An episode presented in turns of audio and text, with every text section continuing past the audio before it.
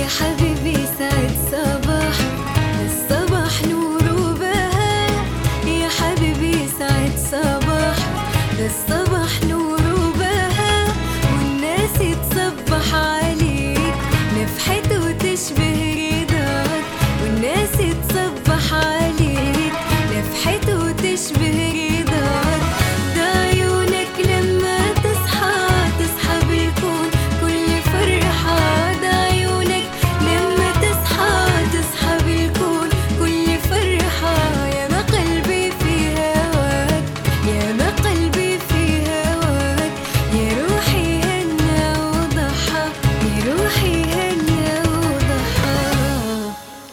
صباح الخير يا عدن.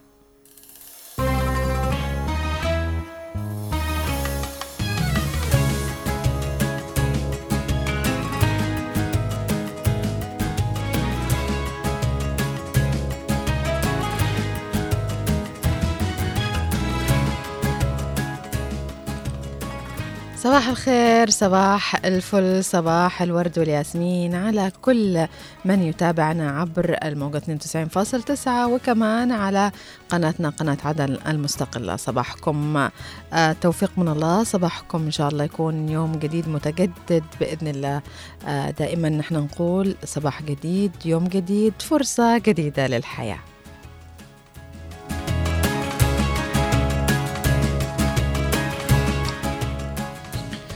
أسعد الله صباحكم أعزائي المستمعين. بكل خير مستمع إذاعة عدن 92.9 وعلى كل من يشاهدنا على قناة عدن المستقلة. في بداية الصباح ومع نسيم الصباح نسألك اللهم في هذا الصباح أن تسر خواطرنا بكل ما هو جميل وتوفقنا لكل ما تحب وترضى. يقال أن المظلة لا تستطيع أن توقف المطر لكن يمكن أن تجعلنا نقف في المطر. كذلك الثقة بالنفس قد لا تجلب النجاح. لكن تعطينا قوة بعد الله سبحانه وتعالى لمواجهة أي تحدي في هذه الحياة. فصباح الرزق والبركة وصباح الخير وإن كان هناك ما يحزنك فهناك ما سيفرحك يوما. فتفاءل وثق بربك وابدأ يومك بابتسامة. فصباح يكسوه طقس جميل بإذن الله وصباحكم عافية ورضا.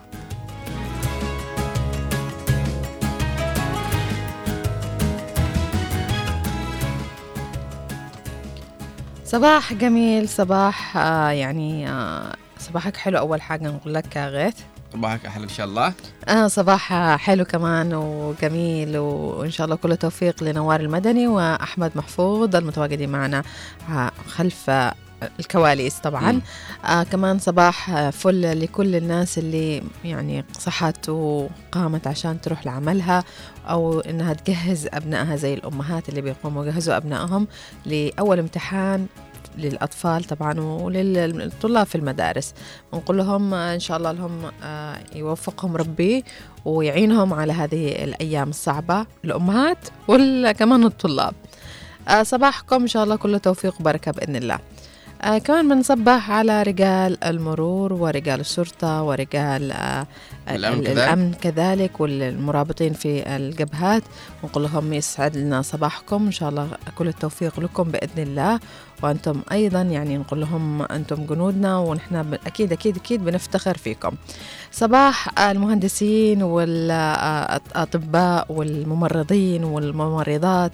صباحهم فل وصباح العافية عليهم بإذن الله. بإذن الله صباح الخير على الجميع وصباح الخير كذلك على ربات البيوت وطلاب العلم آه، سواء من كان ذاهب آه، إلى مدرسته أو إلى جامعته. وصباح الخير على من هو مستيقظ للذهاب دو- دوامه نتمنى لهم التوفيق والنجاح ونتمنى لهم السرور إن شاء الله. ونصبح كمان على الزملاء القادمين إلى القطاع. نقول لهم توصلوا بسلام إن شاء الله. أكيد. أنت آه، تكلمت كلمة يعني قلت كلمة أنا دائما أستنبط أي حاجة يعني من كلامك. آه الكلام اللي بتقوله في الرسائل الصباحية عبارة عن عن يعني رسائل إيجابية أيضا. أنت تكلمت أنه قلت أنه هناك آه، فرصة. لما مهم. كل ما تروح عليك فرصة يعني أو آه، يعني تجيك طائقة. فهناك أكيد أكيد فرق من الله سبحانه وتعالى. صحيح. فدائما آه، نقول إنه خلف الكربة خلف الطائقة خلف العقبات اللي تصير لنا خلفها رسالة ربانية أو تفريق رباني. ما ضاقت دائما نقول إلا إلا وتفرق. تفرق بإذن الله. آه نقدر نقول إنه الإنسان هو من يخلق فرصة للنجاح للحياة لأي شيء في حياته. الفرص هي لا تأتي. إحنا نحن نخلق الفرص ونذهب لأنفسنا. لها أيوة. كمان. دائما أنا أنا أجمل ما سمعت قبل أيام ارتسل لي من صديق يعني فيديو عبارة عن رسالة رسالة يعني هذا الفيديو عبارة عن رسالة رسالة إيجابية دائما يقول أنه الإنسان متسرع دائما في آه، يعني اتخاذ قراراته أو أنه يعني يشوف الشيء إيش يعرف إيش تفسيره. دائما نحن متسرعين في قصة النبي موسى عليه السلام. وقصة الخضر يعني أروع أروع أروع قصة تبين تبين حقيقة الإنسان. دائما عقول دائما يعني يشوف خلق الشيء. الإنسان على عجل فعلا. يشوف الشيء ويشتي يعرف إيش السبب وإيش ال- إيش. ولكن يعني في القصة هذه عرفنا إنه في أمور كثيرة ممكن إنها تصير لنا سيئة. يعني الظاهرها سيء ولكن باطنها يكون في خير كبير. آه زي خرق السفينة لما خرقها الخضر. آه النبي موسى قال له يعني ليش خرقتها؟ تريد أن تقرق أهلها؟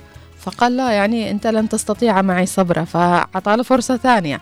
راحوا للغلام اللي قتله الخضر. قال له يعني تقتل نفسا بغير زكية حق بغيرها نعم. فقال له أنت لن تستطيع معي صبرا.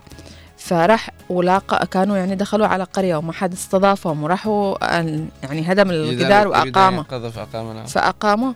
فقال له يعني ممكن أنك تطلب أجر ويعطوا لك أجر. فقال له أنت لن تستطيع معي صبرا يعني هذه الثلاث المواقف إنه أو لو كان النبي موسى صبر كثير كان بن- بنعرف حاجات كثيرة هنا في أصحاب ال- السفينة ثلاثة أصحاب السفينة لما آه يعني. آه غرق لهم حقهم السفينة كان هناك يعني لهم خير كبير.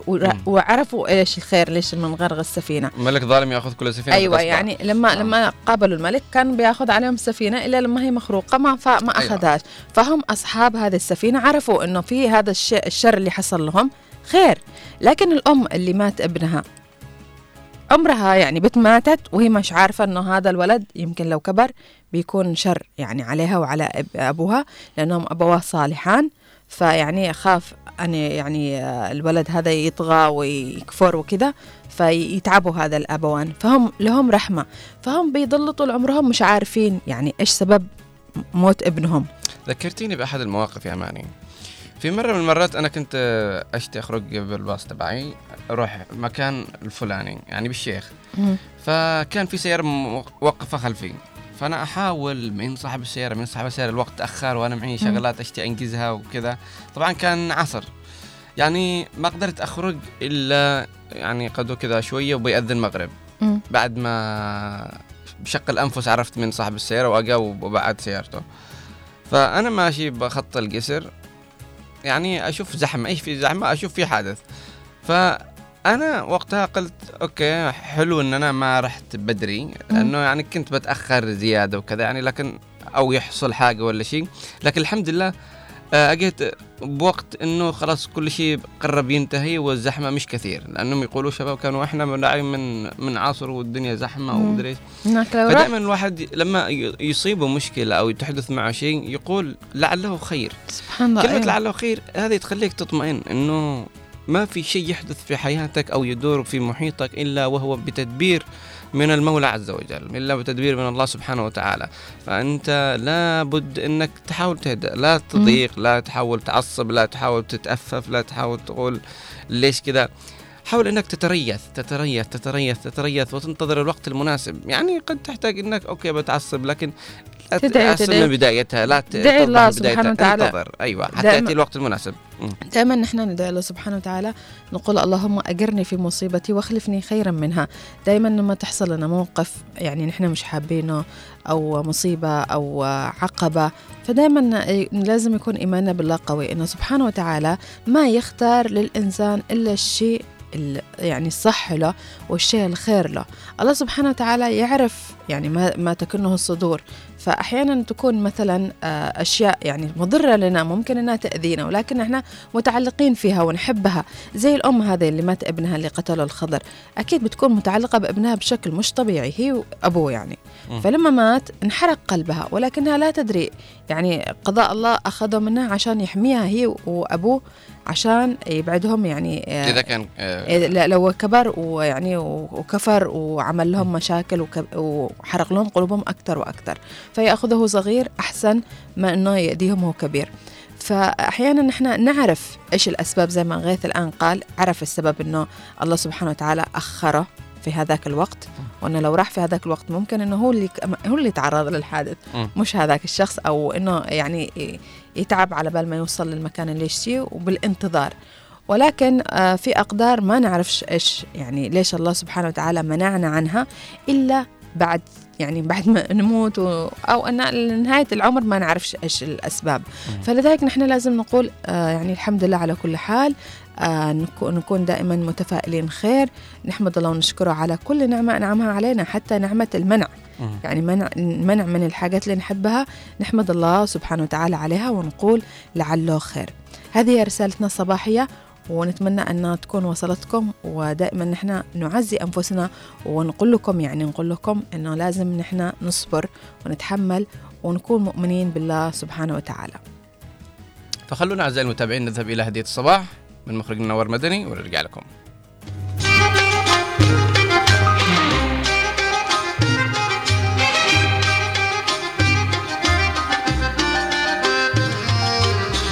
سألتك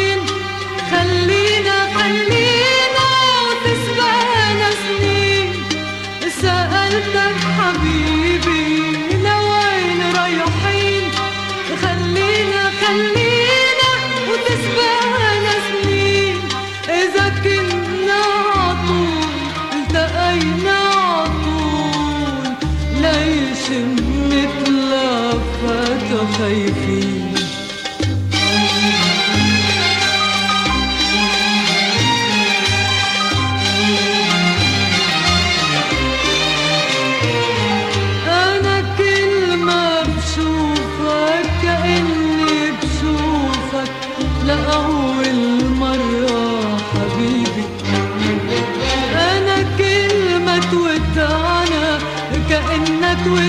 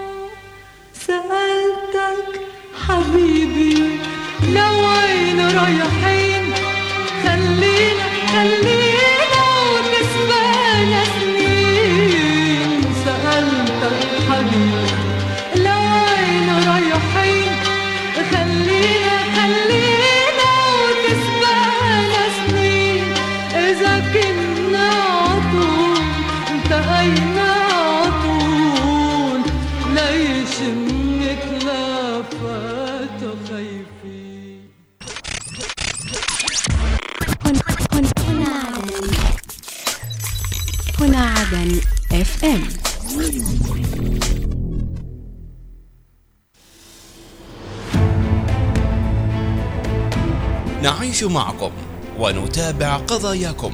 نناقش همومكم. المواطن أو المستمع يقول لك يعني نسمع عن كذا كذا وكيل وكلا وكلا بالكيلو. لا معلمين لا كتاب مدرسي. الناس في ظل هذا الوضع المزري لا خدمات لا رواتب لا معاشات. ترفعوا رسائل وما حد يقرأ رسائلكم. لا. لا الآن اللي بيسمعوك بيقولوا هذا الكلام لا يودي ولا يقيس المجتمع يعرف المجتمع يعرف يعني إيش دوركم. فرسائلكم مسموعة وأينما كنتم ننقلها إلى المعنيين في برنامج وطني. وطني من الأحد إلى الخميس في تمام الساعة التاسعة صباحا.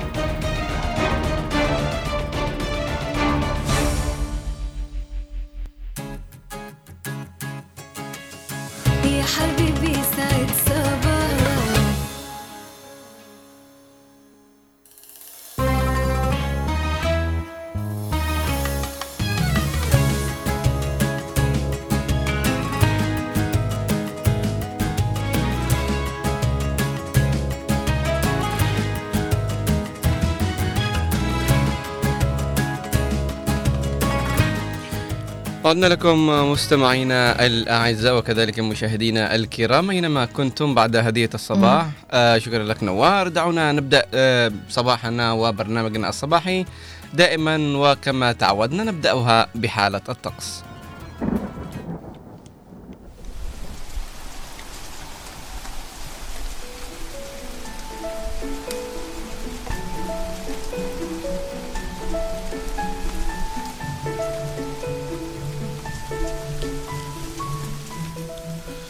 وإلى حالة الطقس المتوقع خلال ال 24 الساعة القادمة بمشيئة الله ونبدأها من لحج. في لحج صباحا وظهرا وعصرا ومساء وكذلك ليلا غيوم أو غالبا صافي. آه، سيكون الطقس منذ الصباح وحتى الليل غالبا صافي درجة الحرارة صباحا تبدأ ب 26 درجة مئوية ثم ترتفع ظهرا إلى 32 أما عصرا درجة الحرارة تكون 31 ثم تنخفض مساء إلى 27 وليلا درجة الحرارة تستقر ب 25 درجة مئوية. ماذا عن طقس أبين؟ طقس أبين لهذا اليوم صباحا وظهرا وعصرا. سوف تكون الأجواء غالبا صافية درجة الحرارة تبدأ في الصباح ب 27 درجة مئوية. ترتفع ظهرا إلى 30 درجة مئوية. تبدأ بالانخفاض عصرا ب 29 درجة مئوية. مساء. هناك غيوم متفرقة في الأجواء ودرجة الحرارة تستمر بالانخفاض وتصل إلى 27 درجة مئوية. ليلا تعود الأجواء أو غائم جزئي ودرجة الحرارة آه، تنخفض وتستقر عند درجة حرارة 26 درجة مئوية.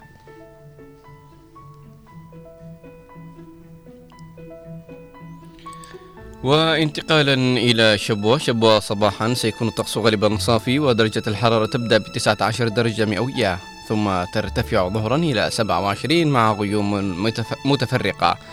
وعصرا ومساء وكذلك ليلا سيكون الطقس غالبا صافي. درجة الحرارة عصرا 28 درجة مئوية ثم تنخفض مساء إلى 23 وليلا تستقر ب 17 درجة مئوية. دعونا نذهب إلى يافا ونتعرف على حالة الطقس هناك. ففي الصباح والظهر هناك غيوم متفرقة في الأجواء. درجة الحرارة في الصباح تبدأ ب 17 درجة مئوية. ترتفع ظهرا إلى 27 درجة مئوية. عصرا تكون الأجواء غالبا صافية. درجة الحرارة تبدأ بالانخفاض وتصل إلى إلى 26 درجة مئوية. مساء تعاود الغيوم المتفرقة ظهورها في الأجواء ودرجة الحرارة تنخفض وتصل إلى 19 درجة مئوية. ليلا تعود الأجواء غالبا صافية ودرجة الحرارة 16 درجة مئوية. وانتقالا إلى جزيرة سقطرى نتعرف عن الطقس والأجواء فيها لهذا اليوم. سقطرى صباحا غيوم متفرقة درجة الحرارة تبدأ ب 23 درجة مئوية. ثم ترتفع ظهرا إلى 25 مع غيوم متفرقة. عصرا سيكون الطقس غالبا صافي ودرجة الحرارة 24 ومساء وكذلك ليلا غيوم متفرقة. مساء درجة الحرارة 22 وليلا تستقر عند درجة حرارة 20 درجة مئوية.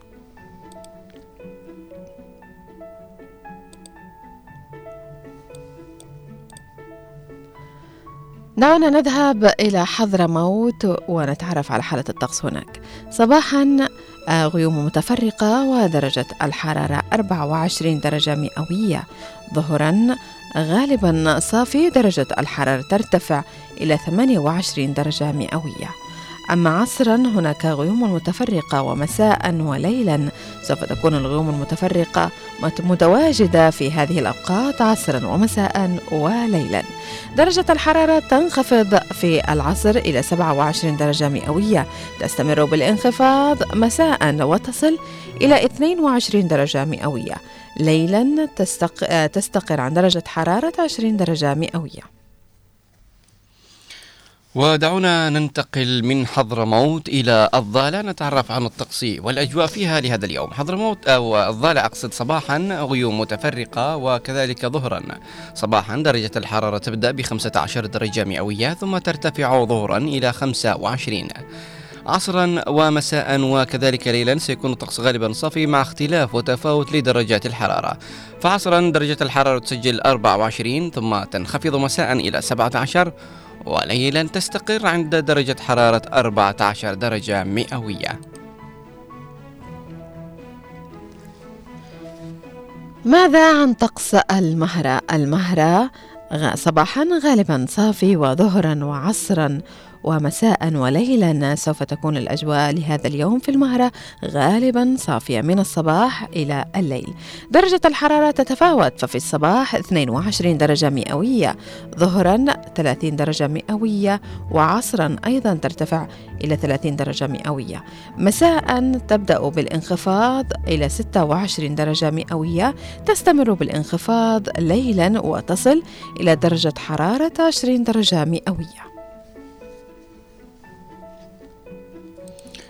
وننتقل أخيرا وليس آخرا إلى عاصمتنا الحبيبة. عدن نتعرف عن الطقس والأجواء فيها لهذا اليوم. عدن صباحا غيوم متفرقة ودرجة الحرارة تبدأ ب 27 درجة مئوية. وظهرا وعصرا وكذلك مساء ستكون درجة الحرارة 27 مع اختلاف الطقس. الطقس سيكون ظهرا غالبا صافي وعصرا ومساء هناك غيوم متفرقة أما في الليل سيكون الطقس غالبا صافي ودرجة الحرارة تستقر ب 26 درجة مئوية ماذا عن الرطوبة في عدن لهذا اليوم؟ الرطوبة في عدن صباحا س- 62% وظهرا 60% عصرا 63% ومساء وليلا 71% إذا الطقس هذا اليوم يعني مختلف شوية. مهم.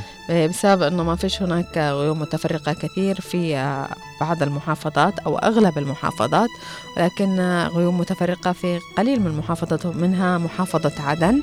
آه، استمتعوا بالأجواء ال- الباردة استمتعوا آه، بيومكم الجميل إن شاء الله. بما أننا تعرفنا على حالة الطقس لهذا اليوم فماذا حدث في مثل هذا اليوم؟ دعونا نتعرف معا.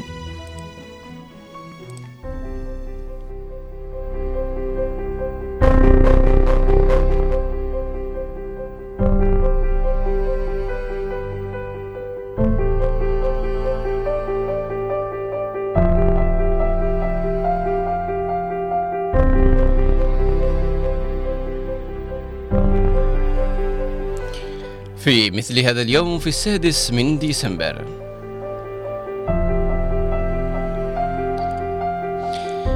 في السادس من ديسمبر عام 1240 المغول يتمكنون من السيطرة على كييف.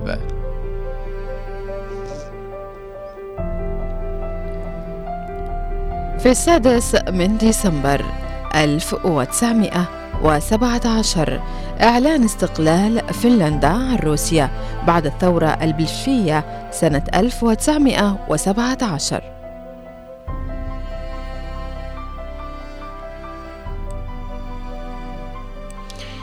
وفي مثل هذا اليوم عام 1941 الاتحاد السوفيتي يبدأ هجومه المضاد ضد ألمانيا النازية في الحرب العالمية الثانية.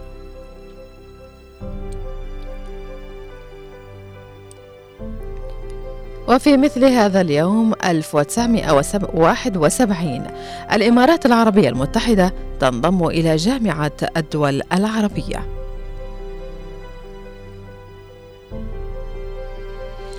وفي مثل هذا اليوم عام 1980 افتتاح أول أكاديمية للطب العسكري في الشرق الأوسط وذلك في القاهرة.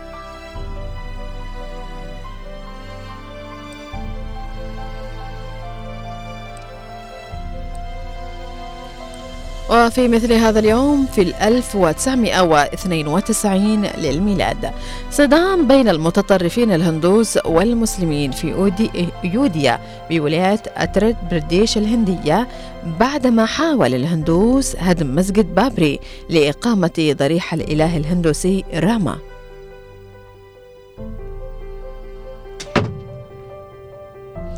وفي مثل هذا اليوم عام 2010 حاكم إمارة رأس الخيمة الشيخ سعود بن صقر القاسمي يعين نجله الشيخ محمد بن سعود القاسمي وليا للعهد في الإمارة.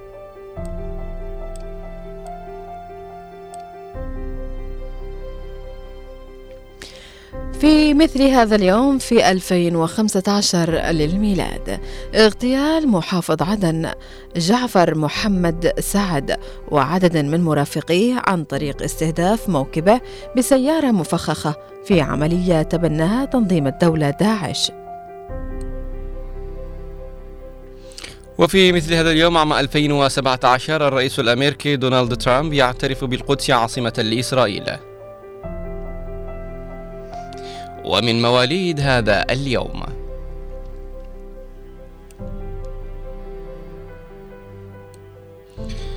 ومن مواليد هذا اليوم عام 1823 ماكس مولر وهو مستشرق ألماني. ولد في مثل هذا اليوم في العام 1911 للميلاد عبد الهادي العصامي كاتب وصحفي وشاعر عراقي. وفي مثل هذا اليوم عام 1917 ولد المفكر والزعيم السياسي اللبناني كمال جنبلاط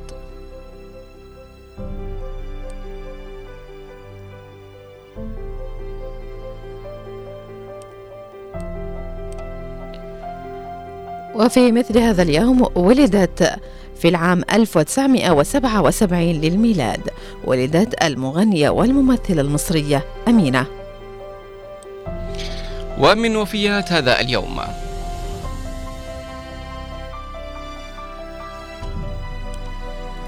من وفيات هذا اليوم سنة 1126 توفي فقيه الفقيه المسلم ابن رشد الجد.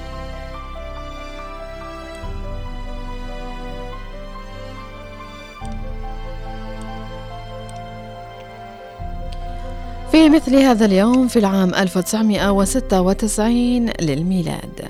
توفي عالم مسلم وداعية مصري وهو عبد الحميد كشك.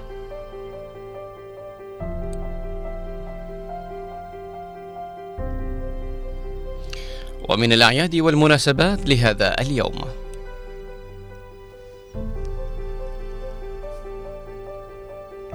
اليوم الدولي لاستذكار أعمال العنف ضد النساء في كندا. وعيد الاستقلال في فنلندا. يوم الدستور في إسبانيا. ويوم الأخت الكبرى في اليابان. حبيت الصراحة يوم الأخت الكبرى لازم اليوم يحتفلوا فيه. يا ريت هذا اليوم هلا موجود. يقول لك آه، في اليابان هم يحتفلوا آه، بهذا اليوم. لربما هناك أسباب ودوافع. دائما نلاقي أنه الأيام في اليابان لها مختلفة بشكل كبير جدا. في اليابان هناك وفي شرق آسيا نستطيع نقول عالم اليابان. في, في شرق آسيا بشكل عام هناك صلة. يعني لو نحن نلاحظ أنه آه، كيف العلاقات الأسرية في أوروبا مم. والشرق الأوسط في اليابان وكوريا و- والصين. بتلاقي أن علاقتهم في اليابان وكوريا والصين. علاقاتهم بالأهل يعني تكون مرتبطة وفي احترام وفي يعني تق- تقديس لهم. غير العلاقات اللي في يعني الأسرية في أوروبا. دائما يلاقوا إنه الأخت الكبرى يعني مثلا تعتبر آه، إذا كان في أحد كبير في الأسرة أو زي ما يكون دائما الأخت الكبرى فهم يعتبروها كأنها الجد أو أو الأم. أو ال- الأم الأم أو ال- الأم الروحية أو اللي قد خلاص مش أعترف؟ حد يعترف الشيء الكبير في هذه الأسرة. فعلا لأن الأخت الكبرى طبعا يعني آه لما يكون فيها في أطفال بعد بعدها مم. وأخوان أكيد تهتم فيهم وتكون هي يعني ربان سفينتهم. فلذلك هم يقدسوها. فمن أبرز الأحداث التي ذكرناها اليوم هي الثوره البلشفيه أو ثوره أكتوبر. إيه اللي يسموها كذا. آه، كانت هي نعم لقمع ال- الاضطهاد للمواطنين إلى آخره كانت في روسيا قادها البلاشفه تحت إمارة فلاديمير لينين وكان قائد الجيش الأحمر ليون تروتسكي وكامل الحزب البلشفي والجماهير العمالية بناء على أفكار أفكار كارل ماركس وتطوير فلاديمير لينين لإقامة. دولة اشتراكية وإسقاط الحكومة المؤقتة. هي آه، يعني بالنهاية آه، الثورة البلشفيه لم تكن لأي هدف فقط إلا لأجل خلق مشاكل أخرى. مم. إضافة إلى ذلك من أهم ال- ال- الأحداث التي حدثت مثل هذا اليوم هو اغتيال المحافظ عدن جعفر مسعد آه، محمد سعد ربنا يرحمه ويتغمد. بواسع رحمته إن شاء الله. آه كمان من الأحداث أنه هناك آه، أن الرئيس الأمريكي دونالد ترامب يعترف بالقدس عاصمة لإسرائيل وهذه مصيبة. هذا اليوم يعني ما نشيش نتذكره نحن كعرب يعني آه، لا نقبل باعترافه ولا مستحيل نقبل بالاعتراف هذا اللي اعترفه نعم. اعترف من اليوم لما بكرة ونحن مش متقبلين إذا أعزائي المتابعين بعد أن انهينا هذه الفقرة دعونا نذهب إلى فقرتنا التالية ونتجول بين الصحف والمواقع الإخبارية ونتعرف عن جديد الأخبار. هنا هنا هنا عدن هنا عدن اف ام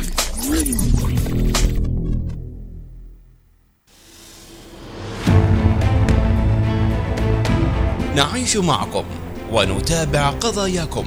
نناقش همومكم. المواطن أو المستمع يقول لك يعني نسمع عن كذا كذا وكلا وكلا بالكيلو. لا معلمين. لا كتاب مدرسي الناس في ظل هذا الوضع المزري. لا خدمات لا رواتب لا معاشات. ترفعوا رسائل وما حد يقرأ رسائلكم. ال- ال- الآن اللي بيسمعوك بيقولوا هذا الكلام لا يودي ولا يقيس المجتمع يعرف المجتمع يعرف يعني إيش دوركم. فرسائلكم مسموعة وأينما كنتم ننقلها إلى المعنيين في برنامج وطني. وطني من الأحد إلى الخميس في تمام الساعة التاسعة صباحا.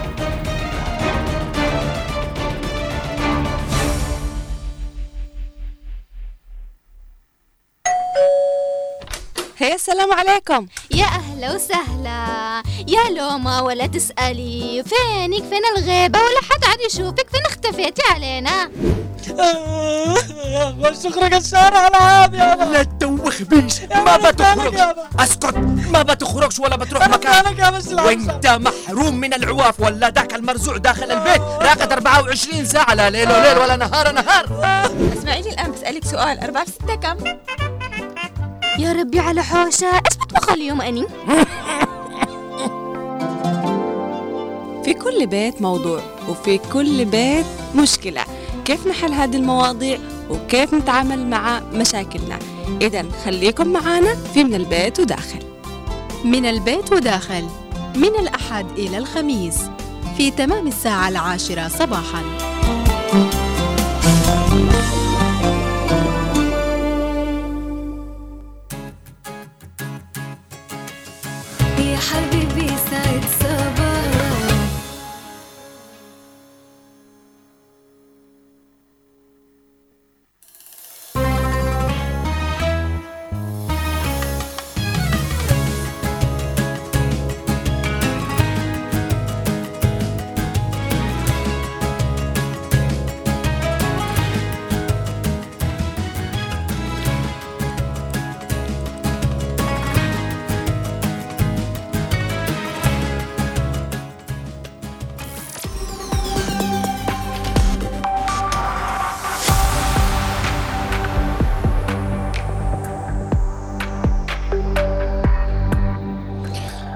أهلا وسهلا بكم أعزائي المتابعين اينما كنتم إلى فقرة حلو الأخبار التي نأخذ بعض الأخبار الإيجابية من عدة صحف ومواقع إلكترونية. وبداية نزور الموقع الرسمي للمجلس الانتقالي الجنوبي ونقرأ لكم.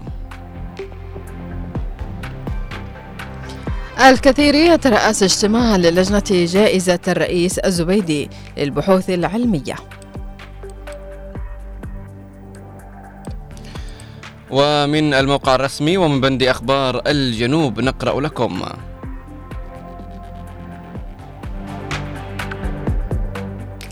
رئيس تنفيذية انتقال لحج يلتقي قيادة اتحاد مصارعة الذراعين بالمحافظة. وتنفيذية انتقال العاصمة عدن تستعرض أداء الإدارات التنفيذية لعام 2023 انتقال حضرموت يشارك في ماراثون المشي للفتيات ذوي الإعاقة. والهيئة التنفيذية المساعدة لانتقال وادي وصحراء حضرموت تناقش الترتيبات لإقامة المطلع السنوي للألعاب الشعبية وانتقالا إلى موقع وصحيفة 4 مايو وفيه نقرأ وزارة المالية تعلن صرف العلاوات السنوية للجهات المدنية والعسكرية المستوفية الشروط.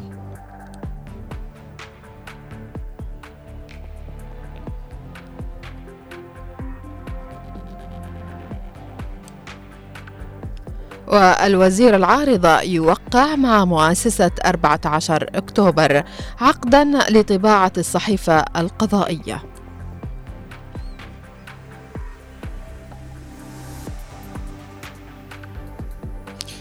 منسقية الانتقال في جامعة حضرموت تختتم ورشة الاحتياجات التدريبية لقيادة المنسقيات في كليات الجامعة.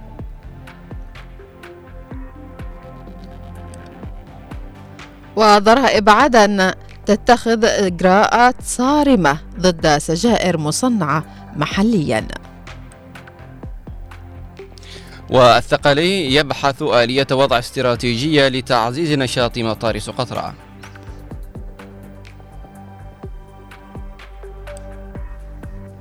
بمشاركة نقيب الصحفيين الجنوبيين ورشة مشاورات شباب عدن ومركز حماية تناقش العنف ضد المرأة.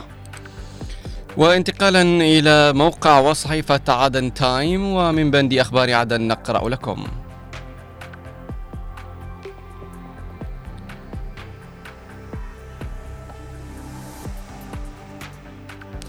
في لقاء تشاوري بعدن عن أهمية محاضر جمع الاستدلال وأثر سلبياته على الدعاوى الجزائية أو الدعوة الجزائية.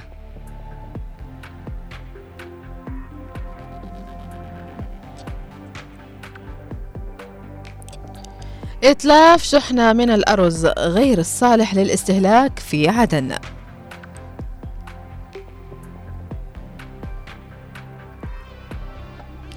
وتثمين لجهود الزغالي في متابعة اعتماد علاوة إضافية للموظفين المستجدين بهيئة الطيران. ومن عدن تايم إلى بند أخبار المحافظات نقرأ لكم. رئيس جامعة لحج يوجه باستكمال المشاريع الحيوية في كلية ناصر للعلوم الزراعية. شبوة ألف مستفيد من الحملة العلاجية الأولى لمرضى القلب بدعم مركز الملك سلمان.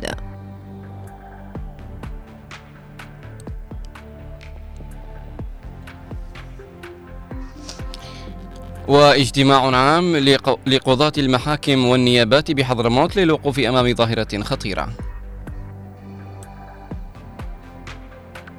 والضالع معالجة إشكالية توقف العمل في صيانة وسفلتة شارع المدينة القديم.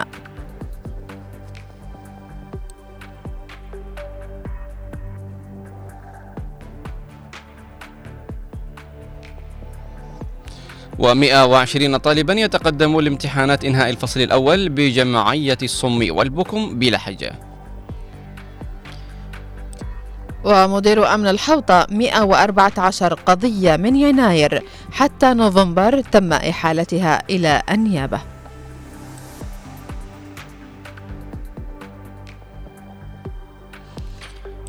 وانتقالا إلى درع الجنوب الموقع الرسمي للقوات المسلحة الجنوبية وفيه نقرأ. بالتنسيق مع قوات الحزام الأمني الهيئة العامة للمواصفات والمقاييس تتلف شحنة أرز غير صالحة للاستخدام بالعاصمة عدن.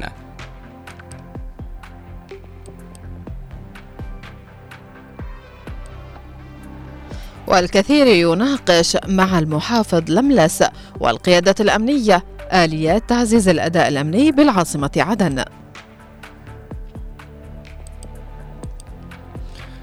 إلى هنا أعزائي المتابعين أينما كنتم نكون ذهبنا وطلعنا في عدة صحف ومواقع إلكترونية وتعرفنا على أبرز المستجدات في آه، محافظتنا الجنوبية.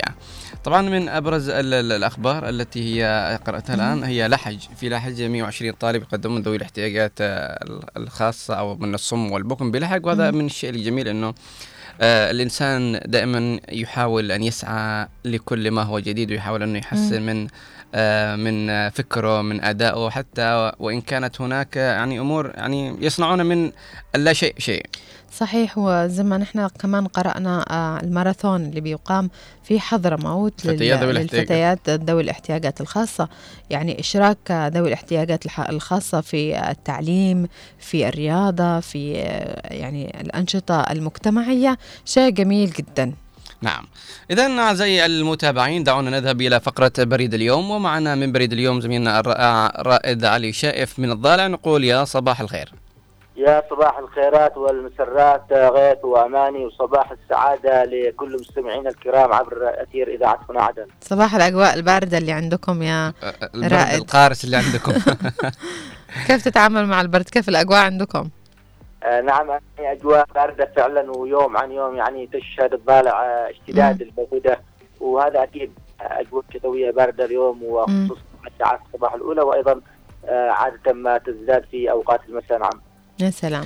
آه، إذا كان هناك أي مستجدات في الضالع نتمنى أن تطلعنا عليها زميلنا. نعم غاية العديد من المستجدات وتتواصل بشكل يومي هنا في الضالع. ونحن نواصل آه، سرد بعضها. واليوم نبدأ من آه، الاجتماعات المستمرة التي يعقدها أعضاء اللجنة التنسيقية لمشروع عدالة الأحداث بمحافظة الضالع وذلك مع عدد من الجهات المعنية بهدف الوقوف أمام مجمل النقاط المتعلقة بالأحداث وكيفية الإسهام في تقديم جميل. خدمات لهم. من هذه الاجتماعات آه، كان الفريق قد عقد أمس الثلاثاء لقاء مع مدير عام الصحة بالمحافظة وأيضا اليوم سيتم اللقاء بمدير عام الأوقاف بالمحافظة. كل هذه اللقاءات غيث وأماني تأتي بإشراف وأيضا تنسيق قاضي الأحداث بالمحافظة رئيس اللجنة التنسيقية القاضي أمين محمد صالح. وستتواصل أكيد هذه الاجتماعات لتشمل كل الجهات ذات العلاقة على مستوى المحافظة. ممتاز. نذهب لاستعراض تفاصيل فعاليات الدورة التدريبية التي اختتمتها أمس الأول منظمتي كير وديبرستي وهي دورة تدريبية خاصة بإدارة وتشغيل مشاريع مياه الريف. آه هذه كانت قد استهدفت عدد 16 متدرب من أعضاء اللجنة لإدارة مشاريع مياه الريف في منطقة أبواب أيضا آه منطقة قارب وعباية ومدينة الأزارق وهدفت إلى تطوير مكان المشاركين وأيضا تعزيز أو تعزز بهم أهمية المياه في حياتهم اليومية. مم. آه، هذه المستجدات أيضا منها ونختم منها أيضا قيد وأحماني وذلك ما نلقي مكتب الإعلام والتعاون مع آه زميلي رائد صوتك يتقطع بعض الشيء. الان كيف؟ أوكي تمام تفضل.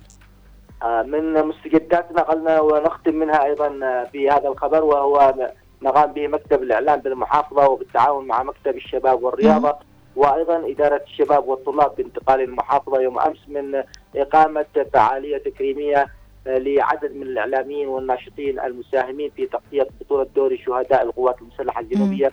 لكرة القدم التي. شهدت مؤخرا هذا التكريم آه، طبعا جاء كنوع من التقدير للجهود المبذولة من قبل الزملاء في مجال الاعلام الاعلام الرياضي وفي تغطية الأحداث والفعاليات التي شهدت طالع في الجانب الرياضي وما منها مؤخرا آه، التي الستار عنها بطولة شهداء القوات المسلحة الجنوبية.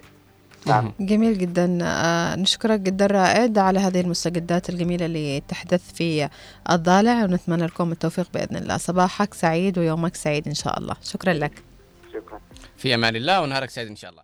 آه، أعزائي ال- المستمعين والمشاهدين أخبار جميلة ورائعة من الطالع ونتمنى ربي يقيهم من البرد إن شاء الله لأن شاء البرد الله. يعني يصل إلى 14 درجة مئوية في المساء فنتمنى لهم آه، أن يكون بردا وسلاما عليهم. اذا أعزائي المتابعين دعونا نذهب إلى فاصل ومن ثم نكمل باقي فقراتنا.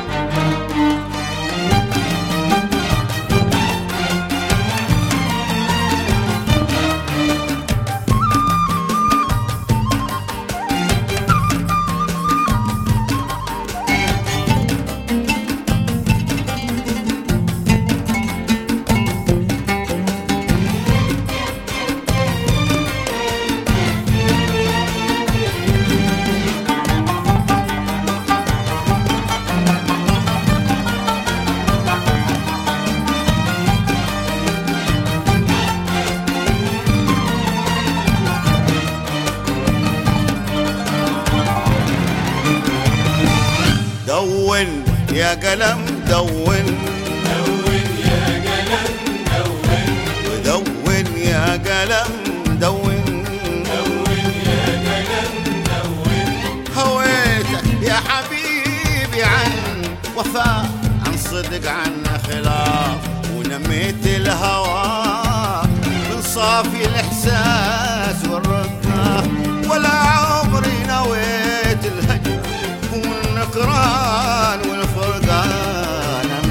الهوى من صافي الإحساس والرقه ولا عمري نويت الهجر والنكران والفرقة.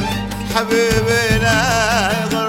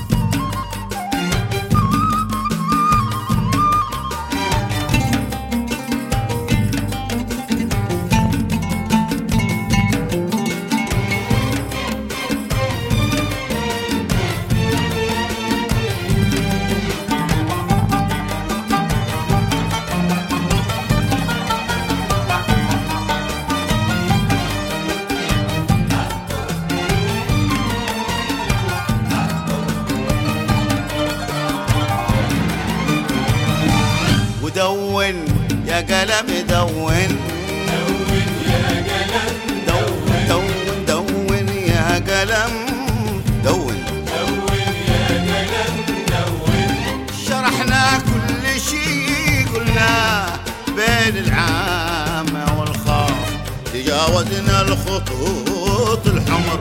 كل يعرف الثاني.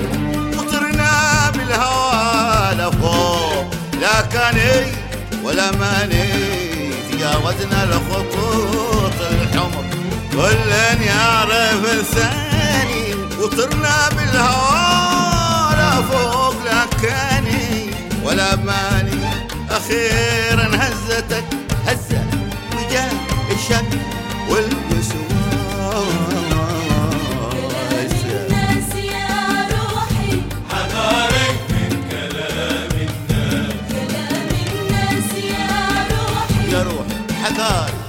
سلام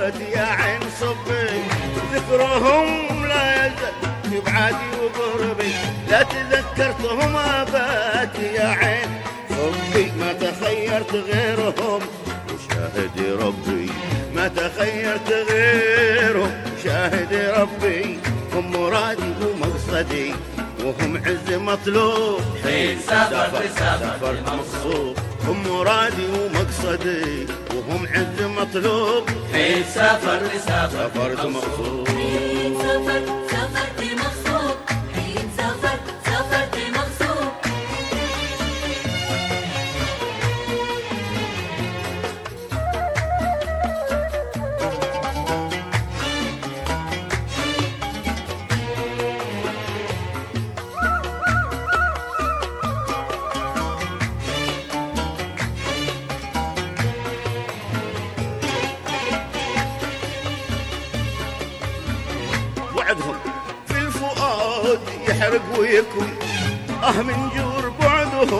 كفاني وحسبي بعدهم بالفؤاد يحرق ويكوي آه من جور بعدهم كفاني وحسبي.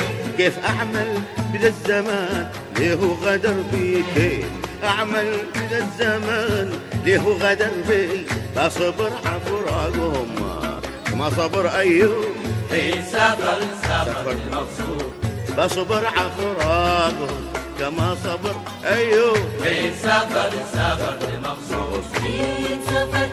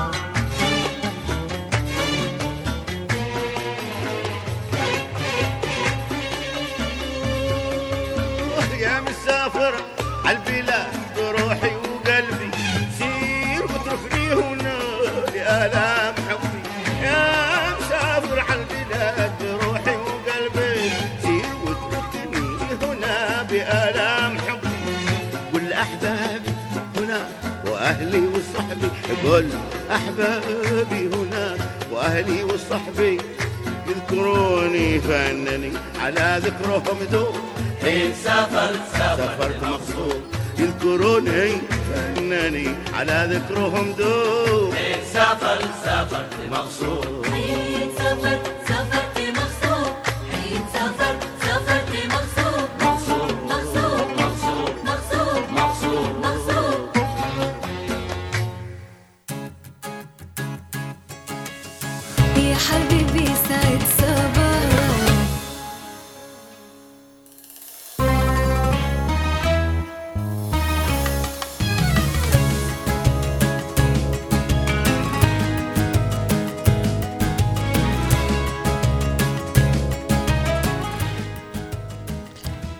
لكم مستمعينا الأعزاء ومشاهدينا في كل مكان. طبعا بعد هذا الفاصل القصير أنا جالسة أشرب coffee. Okay. عشان نصحصح. طبعا آه، الآن نروح لفقرتنا الرياضية. بس قبل ما نروح للفقرة نصبح على الكابتن خالد ونقول له يسعد لي صباحك. صباح الورد طبعا آه، اماني صباح الفل آه، قيس آه، نوار المدني أحمد آه، محفوظ الاحبه في ونعدة. تفضل معنا coffee. عافية عافية. إذا أنا أكيد ما حد عزمنا. بل- للأسف الشديد. ثاني مرة إن شاء الله. إذا دعونا نذهب إلى فقرتنا الرياضية.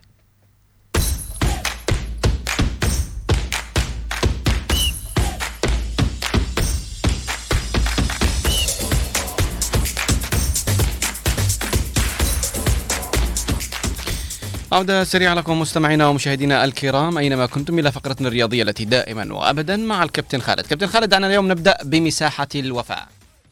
اماني وكل من استمع أثيرنا عدن. فعلا اليوم في مساحة الوفاء لدينا حديث عن شخصيتين جميلتين أيضا نجمين هكذا مرة من عمق رياضة الجنوبية وتحديدا من عدن. في المقام الأول نتحدث عن الذكرى الرابعة طبعا الرحيل الكابتن محمود البطر هكذا. أبو عادل هو نجم في نادي الشبيبة المتحدة الواي طبعا في سنوات جمال المنافسة وكرة القدم. هو طبعا آه، انسيابية جميلة مع الملاعب هنا في عدن آه، من بوابة مثل ما قلت نادي الشبيبه المتحدة الواي أحد نجوم ذلك الزمن آه، تميز هكذا كان له حوار جميل كانت له شخصية أيضا متزنة. يعني عطاء مفتوح مع تفاصيل المشهد عندما تكون نجم وتكون إنسان وتكون أيضا إنسان آه، ذو أخلاق آه، تفرض حضورك مع الجميع. الكل كان يتحدث عن هذا الاسم آه، بروح طيبة بعطاء طيب آه، أيضا بانتماء طيب. وبالتالي نحن دائما عندما نتحدث في هذه المساحة آه، غيث وأمان نتحدث عن حقب جميلة. يعني كانت هنا الرياضة عبارة عن أو عبارة عن مساحة مفتوحة هكذا للعطاء الذي يتعدد ولا يرتبط فقط بمحتوى الملعب أو كرة القدم أو أي لعبة أخرى. وبالتالي نحن اليوم نجمل الكلمات وإحنا نترحم على الكابتن محمود البطر آه، في الذكرى الرابعة لرحيله طبعا يوم 6 ديسمبر في العام 2019 آه، آه، سنظل نتذكر هذه الأسماء بما أعطت بما قدمت لروح المجتمع بصورة عامة. وبالتالي أيضا نتذكر اليوم أيضا في الذكرى أيضا الرابعة لرحيل الكابتن قاسم محمد شندق نجم نادي شمسان مدرب شمسان الرجل الذي مر بأكثر من منصب قيادي حوار مختلف آه، مع تعدد الأدوار في نادي شمسان وحتى عندما آه، كان مأمور لمديرية ال- المنصورة حديث جميل أيضا مع كرة القدم مر من حواري مديرة القلوعة ثم ذهب إلى نادي شمسان لتدرج من ال- الناشئين إلى الشباب إلى الأول وبالتالي أيضا قاسم شندق أيضا اسم لا يمكن أن ينساه الشمسانيين وأيضا كل أبناء المنظومة الرياضية في عدن والجنوب باعتبار إنه أيضا محطة مهمة جدا كان لاعب هداف هكذا برز في كثير المباريات الكبرى وبالتالي أيضا بنفس ما تحدثنا عن آه، محمود ال- ال- البطر. أيضا نتذكر الكابتن قاسم شندق بما منحوا لنا في سنوات الجمال بالألوان البرتغالية. عندما كان حوار جميل آه، مهاجم آه، فذ يسجل الأهداف في شباك كثير من ال- الفرق. هو أيضا من ال- النجوم الذين توجوا بالبطولة الأولى لنادي شمسان والوحيدة طبعا عام 80 81 عندما توج هذا النادي البرتغالي في مدينة المعلة ببطولة الدوري. وبالتالي حديث طويل عن هذه الأسماء لكن هي مساحة وفاه يعني بالحد الممكن من الوقت ليرحم الله الفقيد الكابتن قاسم آه، شندق وأيضا الكابتن محمود ال- ال- البطر ويسكنهم الجنة بإذن الله تعالى. ربنا يرحمه إن شاء الله ربنا يرحمهم إن شاء الله ونتعيش ونعيش كلنا ونتذكر إن شاء الله آه، هؤلاء آه، القامات اللي كانوا أبدعوا في كرة القدم. آه، كابتن خالد دعنا نتحدث عن كرة الطائرة. نعم نذهب إلى الطائرة. هكذا آه، نحلق هكذا أماني إلى إلى إلى شبوة. هناك آه، المهرجان الأول للألعاب في محافظة شبوة. يقدم مساحة جميلة جدا باعتبار أنها جمع شبابي تمر من تحت رعاية الرئيس القائد آه، عيدروس بن قاسم الزبيدي. أيضا إشراف هناك القياده المحلية دائرة الشباب والرياضة إدارة الشباب. أمس طبعا طائرة تمنى عسيلان نجحت بالفوز على طائرة طهم آه، من مقبلة طبعا آه، في شبوة هناك بثلاثة أشواط لشوط وبالتالي يتعدد ال- ال- الجمال في آه، فعاليات مهرجان شبوة باعتبار أنه أماني هناك أكثر من لعبة جا- جامع كبير من الشباب معطيات لمنافسة بألوان الأندية هناك شبوة وبالتالي يعني أكيد سعداء أنه نقدم هذا ال- المشهد من خلال صوت ثيرونا عدن نبارك ل طبعا تمنع سيلان الفوز هارد لك طهم طبعا مقبلة أكيد لنا حديث قادم مع تفاصيل المشهد ال- المنتظر في آه، مهرجان شبوة الأول. بإذن الله. نعم آه، كابتن دعنا نذهب آه، من الطائرة إلى تا- طا- التنس بالأصح. آه، طبعا أمس أقيمت غايه مباراه هكذا جميلة. طبعا احتفالا باحتفالات شعبنا بالذكرى 56 لنوفمبر ال- المجيد. ال- المباراة طبعا أقام اتحاد تنس الطاولة هناك في ابيان قيمة مباراة في أيضا بين فريقي نادي الفجر والجيل الصاعد. انتهى اللقاء بفوز نادي خنفر أيضا بثلاثة أشواط آه، أيضا خنفر الكبير والعريق أيضا النادي الذي يعاني الإهمال. آه، أكيد إنه آه، حديث آه، باتجاه مشاعر أمة أنا أقول هكذا. عندما تأتي مناسباتنا ال- الوطنية نبارك لخنفر وأيضا للجيل الصاعد الحضور والمشاركه في آه، فعالية ارتبطت آه، ب 30 نوفمبر. كل التوفيق لرياضه ابيان في المواعيد القادمة. بإذن الله. دعنا نذهب إلى آه، آه، فريق نادي سيئون لكرة القدم آه، الذي حقق فوزا صعبا على فريق الأحرار. نعم أماني طبعا أنا وأنت وغيث متابعين لكأس حضرموت آه، مواليد 2005 هناك آه، حديث أيضا جميل مع كرة القدم تتعدد ال- ال- المواعيد وأيضا وترتقي أو يرتفع نسق ال- المنافسة وبالتالي نحن أكيد أنه أمس ضمن مباريات هذه البطولة هناك وضمن المجموعة الثالثة فريق نادي سيئون.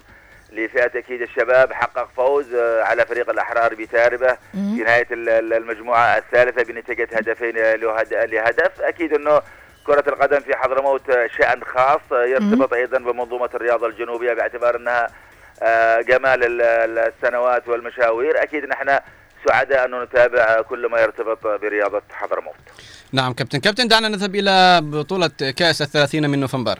نعم أيضا في عدن هناك آه، نجوم آه، من يعني القدامى هكذا المخضرمين آه، أقيمت مباراة أيضا على كأس نوفمبر برعاية آه، مدير شركة النفط آه، صالح الجريري. ذلك آه، الفريق الشرطة طبعا تفوق على فريق شركة النفط بأربع أهداف مقابل هدف. مباراة أيضا تأتي في إطار آه، هكذا نقول الارتباط ب بنجوم الزمن الماضي ال- الذين مر بهم العمر ولكن ما زالوا يمارسون كرة القدم يمنحوها الوقت والأشياء الجميلة. طبعا في الأخير توج فريق الشرطة بكأس البطولة بعدين فاز بالأربع أهداف. لكن في الأخير هي المباراة ترتبط بغايات هكذا خاصة مثل ما قلت ارتبطت باحتفالات آه، نوفمبر. آه، نحيي الدكتور صالح ال- الجريري على هذا الدعم ونبارك للشرطة وهارد لك فريق شركة النفط. آه، أكيد سنتابع مجريات ال- الأمر. في المحطات القادمة. بإذن الله. إذا كابتن خالد دعنا نتحدث عن بطولة دوري أبطال أوروبا ومن هم الفرق الذين تأهلوا لدور الستة عشر؟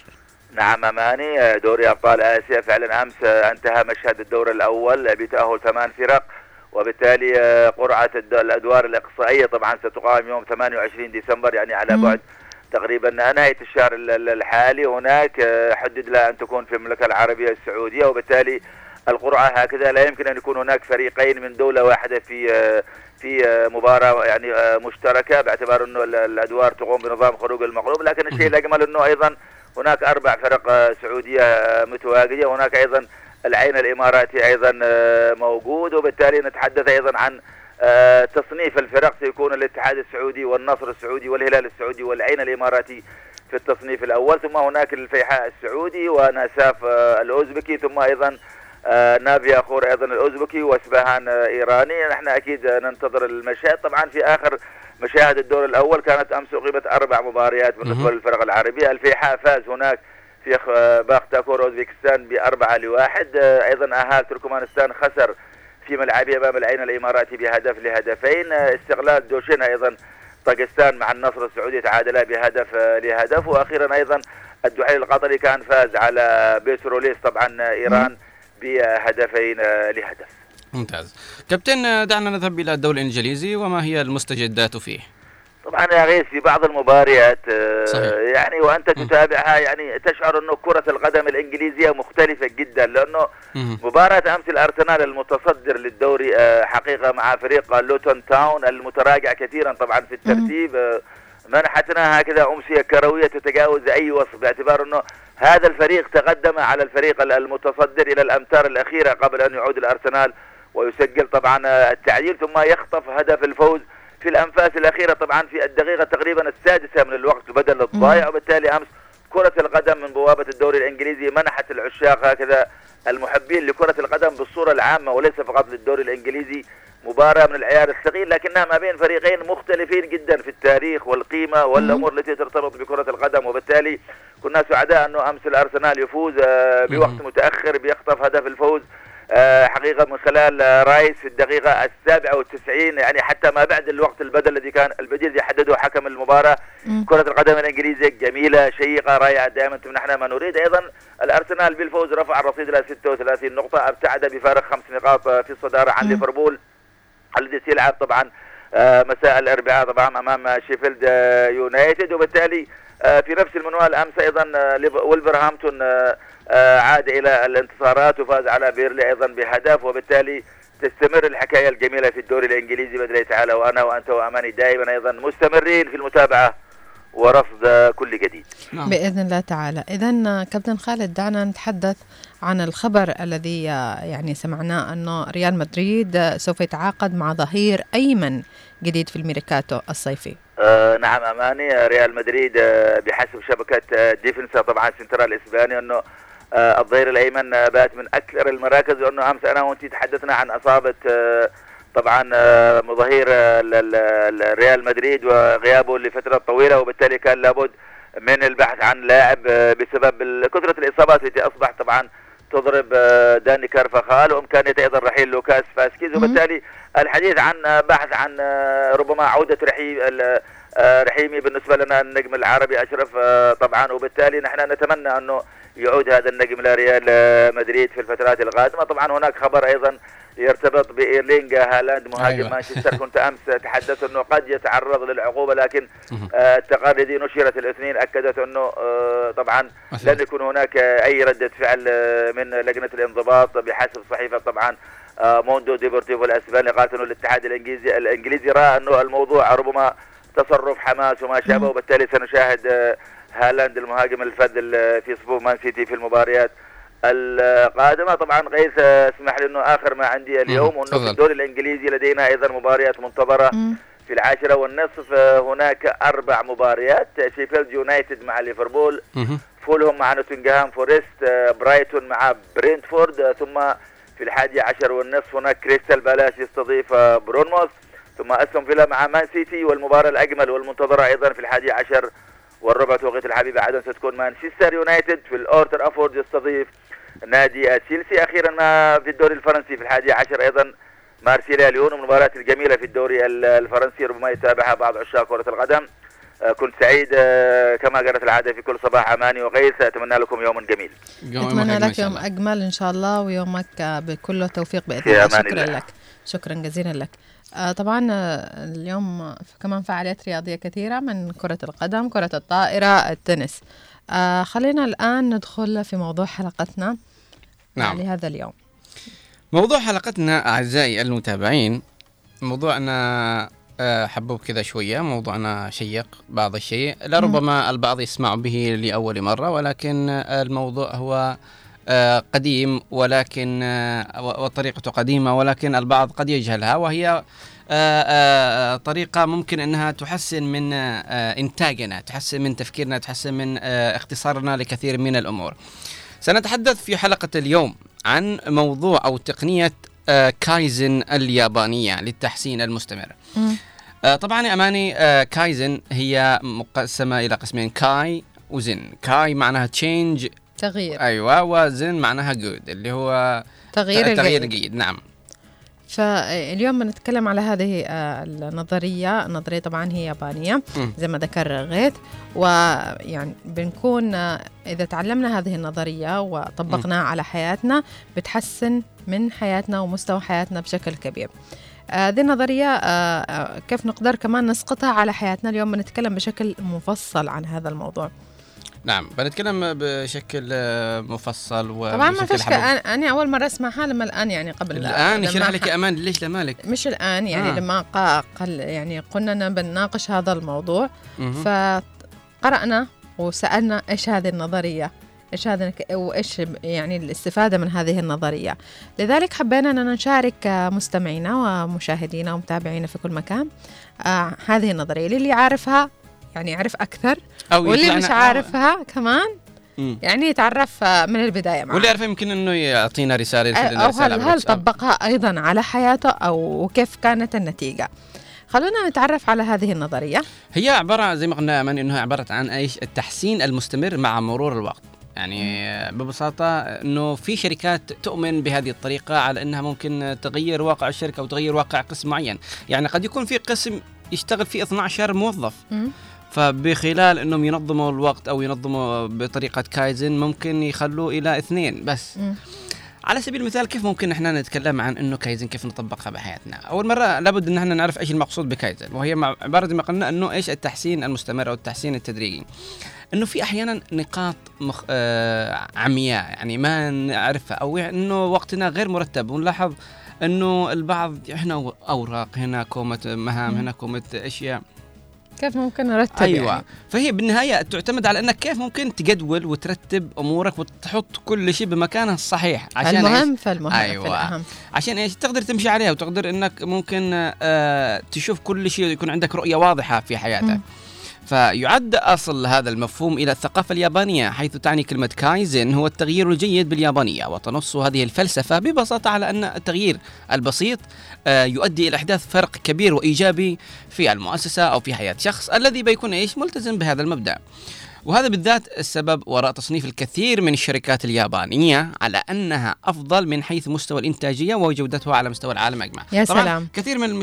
ليست فقط الياباني كمان في شركات إماراتية بدأت فيه وشركات سعودية. بس هم النظرية هذه اجت من اليابان. فاليابان يعني بلد آه، حضاري بلد إنتاجي. دولة عالم اليابان. عالم اليابان يعني آه، ما دام إنها اجت من عندهم هذه النظرية فأكيد طبقوها على نفسهم. بعدين صدروها لنا. فلذلك يعني بتكون النظرية هذه ممتازة جدا إذا طبقناها على حياتنا.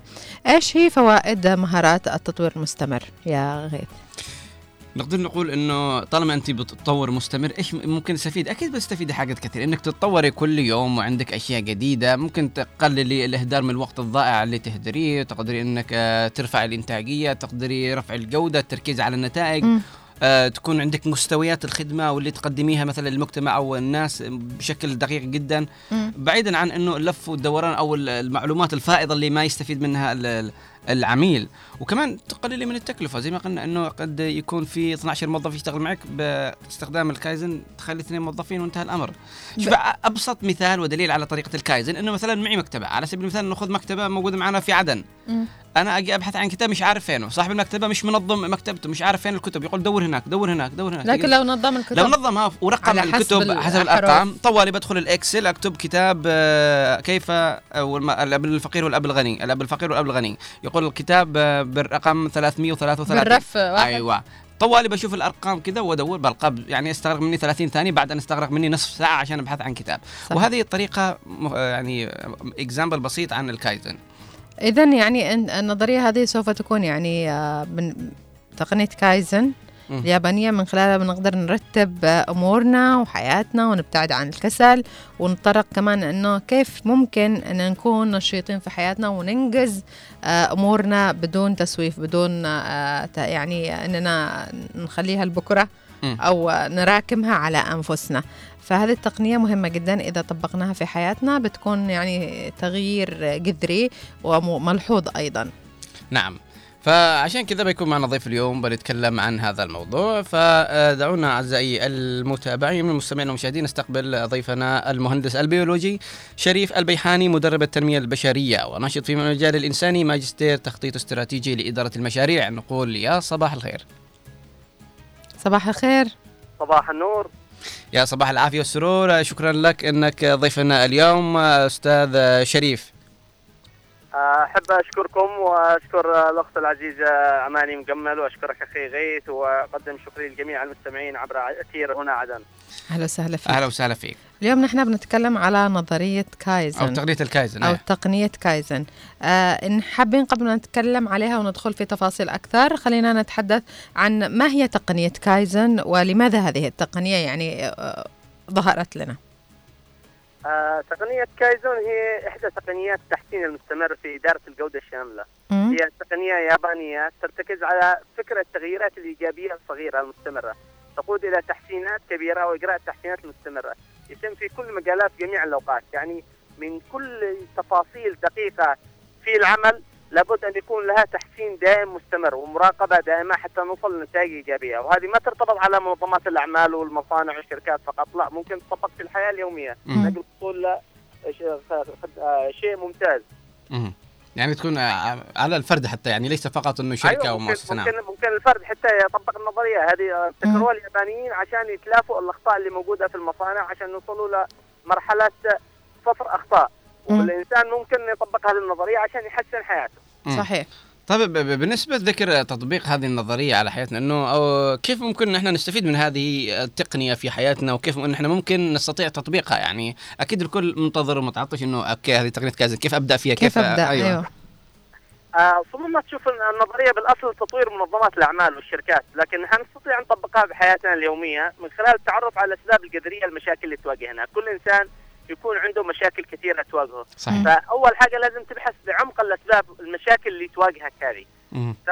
وتبحث عن السبب والمسبب وتعمل اقتراحات لنفسك تشوف تشوف افتراضات تحاكي النتائج إيش اللي ممكن تتوقع أنا مثلا لو سبب مشكلة معي كذا لو طرحت لها حل إيش ممكن النتائج اللي بتكون مترتبة عليها إيش الآثار اللي بترتب عليها مم. فببدأ أبحث وأفصل كل المشاكل اللي موجودة في. حياتي أو كل الأشياء اللي أنا أقوم بها بحياتي اليومية بحياتي العملية وابدا اعمل على تحسين مستمر لأبسط شيء من ابسط حاجة وقت النوم وقت الاستيقاظ وقت متابعة التليفون متابعة الإنترنت آه العمل القراءة هذه الأشياء كلها بس تعمل على تحسين مستمر لحياتي. فمهما كانت الأمور صغيرة لكن من كثر ما تتابع الإنسان ويعمل بمتابعه دقيقة لكل نواحي حياته بيحصل على نتائج إيجابية زي ما حصل اليابانيين على نتائج ضخمة ونظموا حياتهم والناس يقولوا إنه اليابانيين كوكب آخر. وهم أشخاص عرفوا كيف يديروا الوقت وكيف يعملوا تحسين مستمر لحياتهم. صحيح وهذا يعني ما نلاحظه في اليابان من يعني آه، تطور وحاجات يعني حلوة كثيرة يعني إنتاج بشكل كبير. آه ونحن إن شاء الله إن شاء الله بنطبقها على نفس أنفسنا أيضا. آه لكن بدون آه، هوريشيما هم حصل التغير النهضة الا بعد هوريشيما وناكازاكي لكن نحن معنا هورشيمات كثير يا غير. خلينا طيب. كمان نذكر باشمهندس نذكر نلاحظ كثير من الناس يقوموا بتسويف أعمالهم يعني وبسبب إنها غير واضحة الرؤية. فهل ترتيب الأولويات يعني ويلعب دور مهم في تحقيق الإنجازات؟ نعم ترتيب الأولويات كيف ممكن أرتب أولوياتي آه كم من الوقت يهدر بسبب العمل العشوائي. بسبب عدم التخطيط على المستوى البسيط بالحياة يعني نحن مثلا نقضي أوقات كثيرة على التليفون أوقات كثيرة بوسائل التواصل الاجتماعي أوقات مم. كثيرة مع الأشخاص لكن هل تم تحديد الأولويات لإدارة الوقت؟ هل قمنا بتخصيص وقت لتعلم لغة جديدة؟ قمنا بتخصيص وقت لقراءة موضوع جديد؟ راجعنا أنفسنا بالأعمال اللي قمنا فيها كيف نقدر نطورها أنا أشعر بإحباط ما قدرتش أسوي كذا. طيب أنت شوف كم من وقت ينقص يروح عليك. ما صح. قال ارتج أولوياتك عشان تقدر تحدد إنه والله بقدر أنا أنجح أو لا. صحيح فنلاحظ إنه كثير منهم يقول يا أخي أنا ما عندي وقت. طب إيش بايش مشغول؟ ولا شيء لا شيء يعني مشغول باللا شيء. فيتأففوا يقولوا إحنا مش قادرين ننجز ومش عارفين كيف نسوي. فلما نكلم نقول يا جماعة رتبوا أولوياتكم اعرفوا إيش لكم إيش عليكم إيش الأهم. ثم فالمهم. الاهم فالمهم. أيوه. لكن آه نلاحظ إنهم بالشكل العشوائي اللي هم عايشين فيه أكيد أكيد هناك أمور يعني تنقلب راسا على عقب مش عارفين يركزوا بإيش بالموضوع. فزي ما قلت آه، أستاذ إنه ترتيب الأولويات يعتبر من أحد أهم الأسباب للإنجاز والنجاحات أو تحقيق الغايات اللي إحنا نريدها. لكن مثلا إحنا نلاحظ آه، أستاذي إنه كثير من الشباب اليوم يحسوا بالإحباط يحسوا إنهم أوكي ملل. مش ملل مش قادرين. ونلاحظ هذا بشكل كبير جدا وخاصة بين الشباب هذه الأيام أنهم يحسوا بالملل يحسوا أن الدنيا كلها ضدهم أنه مش قادرين يطبقوا أي شيء في هذه الحياة وأنهم مهضومين. لكن بالعكس هم اللي وقعوا نفسهم بهذه ال- ال- المشكلة. لكن آه، أستاذ شريف أنه إذا كنت مثلا أنا شخص محبط ولا أستطيع أن أنجز أي شيء أو غير قادر على فعل أي شيء من الإنجازات أو أني أعجز أني أسويها أو لا خلينا نقول إنه مش عجز لكن نستطيع نقول إنه أني أشعر بالملل وعدم الرغبة في إني أسوي هذا الأمر. كيف ممكن إني أغير نظرتي لهذه الأمور؟ هل هناك طرق إني ممكن أغير نظرتي؟ هل الشخص من نفسه يستطيع تغيير نظرته أو إنه يحتاج أخ أحد يأخذ بيده؟ كيف بالضبط؟ اولا آه، اولا أحب أوجه رسالة للاشخاص اللي يظنوا إنهم محبطين أقول لهم عليكم أن تدركوا أنكم السبب على الأرض وأن الله عز وجل هو مقسم الأرزاق وهو رحيم بعباده لن ينسانا الله كل إنسان جواه كنز كل إنسان جواه مواهب داخلية مش عارف كيف يكتشفها. لكن عليه أن يساعد نفسه اولا عشان يكتشف مهاراته الداخلية. كيف الناس تساعده إذا هو ما ساعدش نفسه؟ عشان تتخلص من الإحباط أول شيء لازم تساعد نفسك. أنت محبط؟ أوكي تشعر بكبت تشعر إنك عاجز عن تحقيق أي إنجاز. تعال شوف الإمكانيات اللي عندك. تستطيع تفكر تستطيع تخطط تستطيع تميز الصواب بالخطأ تستطيع تتحرك ترى تتكلم تعبر عن أفكارك. أرسل خطط جديدة لمستقبلك. لا تيأس تابر في العمل. شوف الأشخاص اللي ما فقدوا الأشياء هذه. شوف الأشخاص اللي عندهم إعاقة ذهنية عندهم أصحاب ذوي الهمم. عندهم تأخر مثلا عقلي إعاقة بصرية إعاقة سمعية. شوف كيف ابدعوا بمجالات كثيرة. صحيح. أنت عندك كل النعم هذه. كل الإنجازات اللي موجودة. أبدأ استغلها أبدأ أقري. أبدأ أفكر. أنت محبط. مش قادر تسوي كل شيء. زي تدريب كنا نعمله زمان تدريب دائرة الهم والتأثير. أيوة. الأشخاص المحبطين المشاكل حقهم تتحول لحجر كبير يحبطهم. تيجي تقول له معك إنجاز يقول لك مش فاضي معي مشاكل. طيب جزء المشاكل حقك. حول الحجر لبالون طيره في السماء. صحيح. وحاول تتغلب على مشاكلك. حاول تضغط على دائرة الهم وتقوي دائره التأثير. تكون أنت فعلاً. مؤثر بنفسك. فعلا. أحيانا نحن نكون آه، يعني أسباب سبب كبير آه، لمشاكلنا. نحن نحن. إذا نحن نف- نفكر كيف ممكن أن نحن نخفف عن نفسنا الأعباء فأكيد ب- بن- بننجح وبنوصل للي نشتي. بعضهم بعضهم مش قادر إنهم يفكروا إنه حتى أوك أول ما يحسوا إنهم أوكي أنا اشتي أغير من نفسي؟ أول ما تجي هذه الأفكار يحس إنها أفكار سوداوية ومش قادر يخرج. فانا سمعت من قبل إنه الدماغ دائما يبني آه، تجاربه على اخر شيء قام فيه. فمثلا إنه مره في مرحلة من المراحل إنه حاول مثلا على سبيل المثال نجي نتكلم بالقراءة زي ما ذكرت أستاذ شريف آه، آه، القراءة إنه تعال اقرأ. الناس ينفروا من القراءة. تقول لهم القراءة يقول لك لا ضيق إيش القراءة. فانا أقول إنه زي ما سمعت المعلومة هذه إنه العقل يبني على آخر تجربة خاضها إنه أوكي هذا الشخص أكيد راح فتح كتاب لربما لا يناسب عمره ولا يناسب وقته ولا يناسب أفكاره. فشاف أن أول صفحة قرأها قال ضيق واكتئاب. وكان ثقيل عليه فيشوف إنه خلاص كل الكتب مملة كل الكتب ما فيها فائده وأنا كنت واحد من هذه الشباب كنت أشوف القراءة يعني أقول خلاص يلا خلصت ثانوية وأقرأ كتب سبعة كتب ثمانية كتب أروح أقرأ ليش؟ فيوم من الأيام أخذت كتاب شدني ومن الأشياء اللي أنا interested فيها يعني أهتم فيها. قرأت فيها حتى خلصت الكتاب بنفس الوقت وبنفس ال- بنفس اليوم. فتغيرت نظرتي تماما عن معنى آه، قراءة الكتب. فكيف إحنا يعني ممكن نأثر للناس ونقول لهم يا جماعة اقرأوا؟ لأنه كثير من الشباب اليوم لا يقرؤون الكتب وخاصة حتى الناس اللي يأخذوا كتب أو يشتروا كتب مجرد زينة. لا ليس إلا. أنا أنا أعطيهم تقنيات بسيطة وسهلة. الآن الناس كلها عندها وسائل تواصل اجتماعي. الواتس والفيس كذا ممكن بيقري نكت ومقولات يعني ساخرة وأشياء صحيح آه، لألف سطر. لكن تقول له كتاب لا. طيب أوكي في تطبيقات الواتس.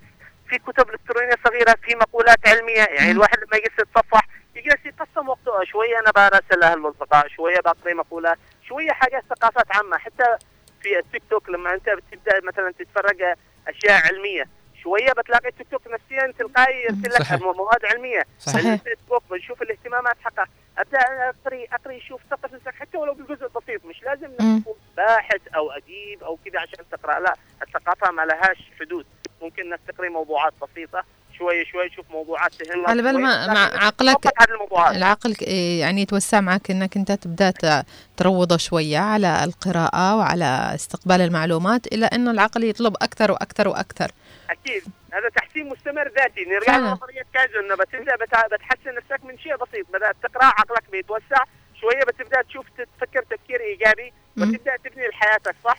وتتغلب على المشاكل من خلال تحسين مستمر بأمور بسيطة.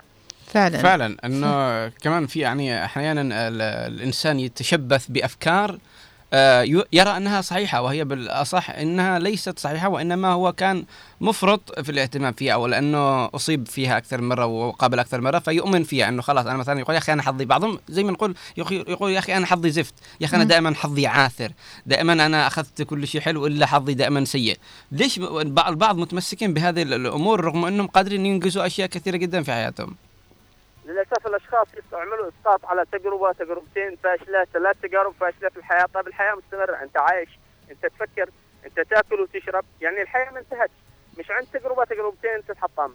تبدا تستمر تعمل مجهود من أول وجديد إنه لا أنا مش فاشل. أنت طول ما أنت تقول لنفسك الأفكار السلبية هذه مم. أنا فاشل أنا برجس محبط لكن أعطي نفسك جرعة أمل إيجابية. مم. أو قدام نفسك حمل نفسك المسؤولية قول أنا عندي إمكانية أنا بحاول. عادي أسقط وأقوم أسقط وأقوم. ولما توصل أغلب الأشخاص اللي وصلوا لمراكز مهمة وحساسة ومكانات اجتماعية في المجتمع ما كانوش أشياء يعني أشخاص مبدعين زي الدكتور أحمد زويل. كان دكتور بسيط آه صح. الميكرو. وصل وصل وصل لمستوى عالميه آمن بنفسه واشتغل على حاله. است... اكتشف ال microprocessor وحصل على جائزة نوبل مم. صحيح. فعلا إنه الواحد آه، لابد إنه يبدأ يعني مش خلاص انت مثلا يقول أنا من الوطن العربي أنا إحنا في آخر العالم إحنا بالفرزة حق العالم مش قادرين نقول بالعكس. الظروف الظروف المحيطة لا شيء مش لازم أنا أطرحك داخل اليابان ولا داخل أيوة. المانيا صحيح يعني. لازم أشخاص يمكن طلعوا من من ظروف اسوء من الظروف اللي إحنا عايشين فيها صحيح. وصلوا لمراحل عالمية هي مش لازم ان أخليك إنك بظروف يا مرة يا مطحونة عشان مم. تطلع إنك مبدع ولا بظروف هاي كل الظروف اللي موجودة قادر الإنسان يسخرها وبعدين توفيق من الله عز وجل يعني فعلا. هو م- مسبب الأسباب أنت أعمل بالأسباب وحاول تشتغل على نفسك والرزق بيد الله عز وجل. كم من أشخاص فعلاً، كثير فعلاً. وصلوا ونجحوا. قارن نفسك بالناجحين لا تقارن نفسك بالاشخاص السلبيين ال- الفاشلين اللي مم. انهدموا ودمرت حياتهم. صحيح الآن في مقولة أمامي يعني بتقول هنري فورد. فيلسوف. في الفيلسوف هنري فورد بيقول سواء كنت تعتقد أنك بإمكانك القيام بأمر ما أو لا أو لا في كلا الحالتين أنت يعني محق. يعني أنت إذا قلت صحيح. لنفسك أنك قادر بتقدر إذا مش قادر كمان ما بتقدرش. في كلا الحالتين أنت آه، محق. فنحن آه، عشان نحن بكلا الحالتين محقين بنقول نحن قادرين عشان نكون محقين أيوه لا نقدر يعني كويسة. هو يدفع لأنه نحن نتوقف عن خلق الحقوق والأعذار إنه أنت ليش تخلق نفسك أعذار طالما أنا دائما أكرر ذا الكلام للاشخاص اللي مم. يقابلوني أو اكلمهم لما يقولوا إحنا يائسين إحنا مش قادرين نسوي أقول لهم طالما أنت تقول مش قادر أنت مش قادر. طالما أنك تقول أنا بسوي بفعل. حتى إنه أنا أقول لهم إنه على سبيل المثال لما تجي تتكلم أنا لا تجيب بعدها كلمة نفي أو بعدها كلمة مم. سلبية. أنا سيء أنا أنا مش قادر. لا بالعكس. مثلا تقدر تقول أنا أنا آه، فشلت في إني آه، أحقق نجاح بحياتي. لا أقول بالعكس. قول أنا آه، لم أحقق نجاح الآن لكن أنا أنوي إني أحقق نجاح. فاحيانا تغيير الكلمات تلعب دور جدا في في حياة الفرد. صحيح زي ما قلت لكم أنا السابق أنا كيف أقدر أساعدك إذا أنت ما ساعدتش نفسك؟ أنت أول خطوة صح. إنك تساعد نفسك إنك تعطي نفسك جرعة أمل إيجابية. كيف أنت بتساعد نفسك وأنت طارح قدامك حاجز طارح قدامك كرة صخره حديديه فوق رأسك وهي عبارة عن مشاكلك وفشلك وهمومك.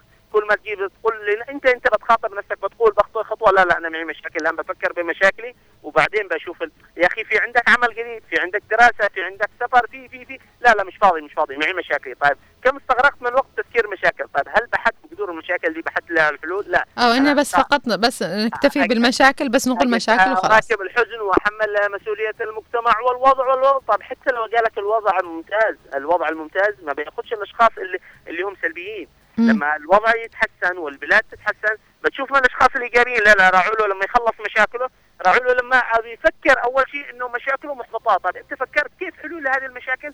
لا. طيب كيف تساعد نفسك؟ أنا أحلم ان أنا اكون طيب حلو. أبدأ أحلم وأبدأ أعمل خطوات. احلم وخطط ونفذ مش تحلم وأنت جالس في البيت. أحلم وأنت جالس في البيت. طيب حاول تساعد نفسك يا أخي. خذ هذا معلومات. اقراها على المستوى البسيط مستوى التوظيف. أقرأ معلومات هذه. قدم. سويها لا لا لا مش سوي لي أنت كل حاجة. طيب أنت إيش بتسوي؟ انت هل خطيت خطوة الأمام عشان تتغلب على مشاكلك؟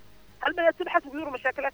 فقط كبت كبت وشايفنا دحين أغلب الشباب للأسف يصاب بالإحباط ويهرب لأمور سلبية عشان يهرب من مشاكله طيب أنت يا أخي عالج مشاكلك حاول حاول تجنبها شوي على جنب أبحث عن حلول وفي الأخير توفيق من الله عز وجل بس نعم. مش لا؟ أنا معي عصا سحريه عملت وما استواش كلامك إذا كلامك غلط. لا ده ده توفيق من الله عز وجل. في أشخاص بدأوا يشتغلوا على أنفسهم ونجحوا. في أشخاص صحيح. ما نجحوش المرة الأولى بينجحوا صح مع انه مع انه مع إنه كل ال ال ال الأشخاص هذا سواء اللي نجحوا اللي ما نجحوش يمكن يمتلكون نفس القدرات نفس المؤهلات.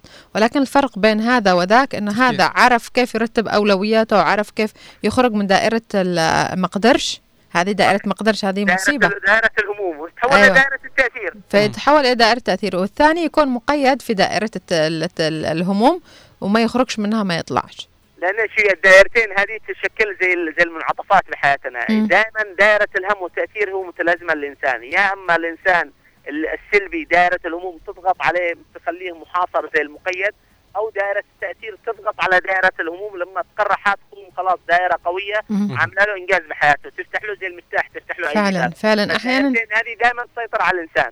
أحيانا آه، شوف اليابان إنه أكت- يعني آه، اكتشفت تقنية الكايزن مش من فراغ. هم عانوا شعب يعني عانى بالهيروشيما وكانوا يعني خلاص إنهم أب- أبيدوا. شعب أبيد. بهذه ال- القنبلة. وصلوا للعالمية من تحت الصفر. فوصلوا بالعالمية من تحت الصفر اشتغلوا على نفسهم ما وا- وقعوا خلاص قسوا. لو كانوا جلسوا مكانهم كفالهم الآن يعني مصنفين مع ال- ال- الدول الأشد فقرا والدول المنكوبة زي والدول أول حاجة عملوها اليابانيين بعد الحرب مباشرة وقعوا اتفاقيه سلام مع الدول المتحاربة ووقعوا اتفاقيه بالدم تجرم كلمة حرب في تاريخ اليابان. ما عاد نشيش حروب لأن الحروب طحنت نحن. صحيح. ظهرهم للحروب وبداوا يشتغلوا يشوفوا. الناس المسببين بداوا تنمية تنمية بداوا أول شيء في التطوير البشري مم. ومن أصعب أصعب شيء هو التطوير البشري صحيح. اليابانيين عندهم ثقافة غير طبيعية شخص أبدأوا أول شيء ونظام. تطوير الإنسان بعدين طوروا المكان والآلات. شوف إنه العقل البشري هو كنز كنز لا.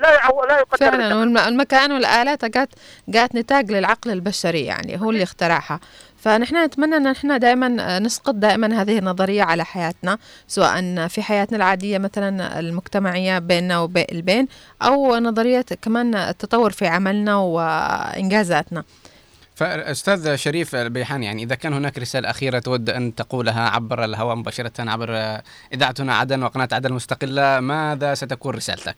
والله أحب اوجه رسالة للجميع إنه ال- الأول حاجة زي ما قلت لكم الأرزاق بيد الله عز وجل. ما فيش حاجة عصا سحرية أنا بعمل واحد زائد واحد يساوي اثنين. لا لكن أنا إذا اشتغلت على نفسي فأنا بوصل لإنجازات كثيرة. كم من أشخاص اشتغلوا على أنفسهم وصلوا انجازات كثيرة. فنحاول نطبق نظرية كايزو في حياتنا اليومية. نحسن تحسين مستمر لابسط لأبسط التفاصيل الحياة. بنشوف فرق. بنشوف فرق كبير بحياتنا. إن إحنا بدأنا ننظم وقتنا نرتب أعمالنا نحل مشاكلنا البسيطة.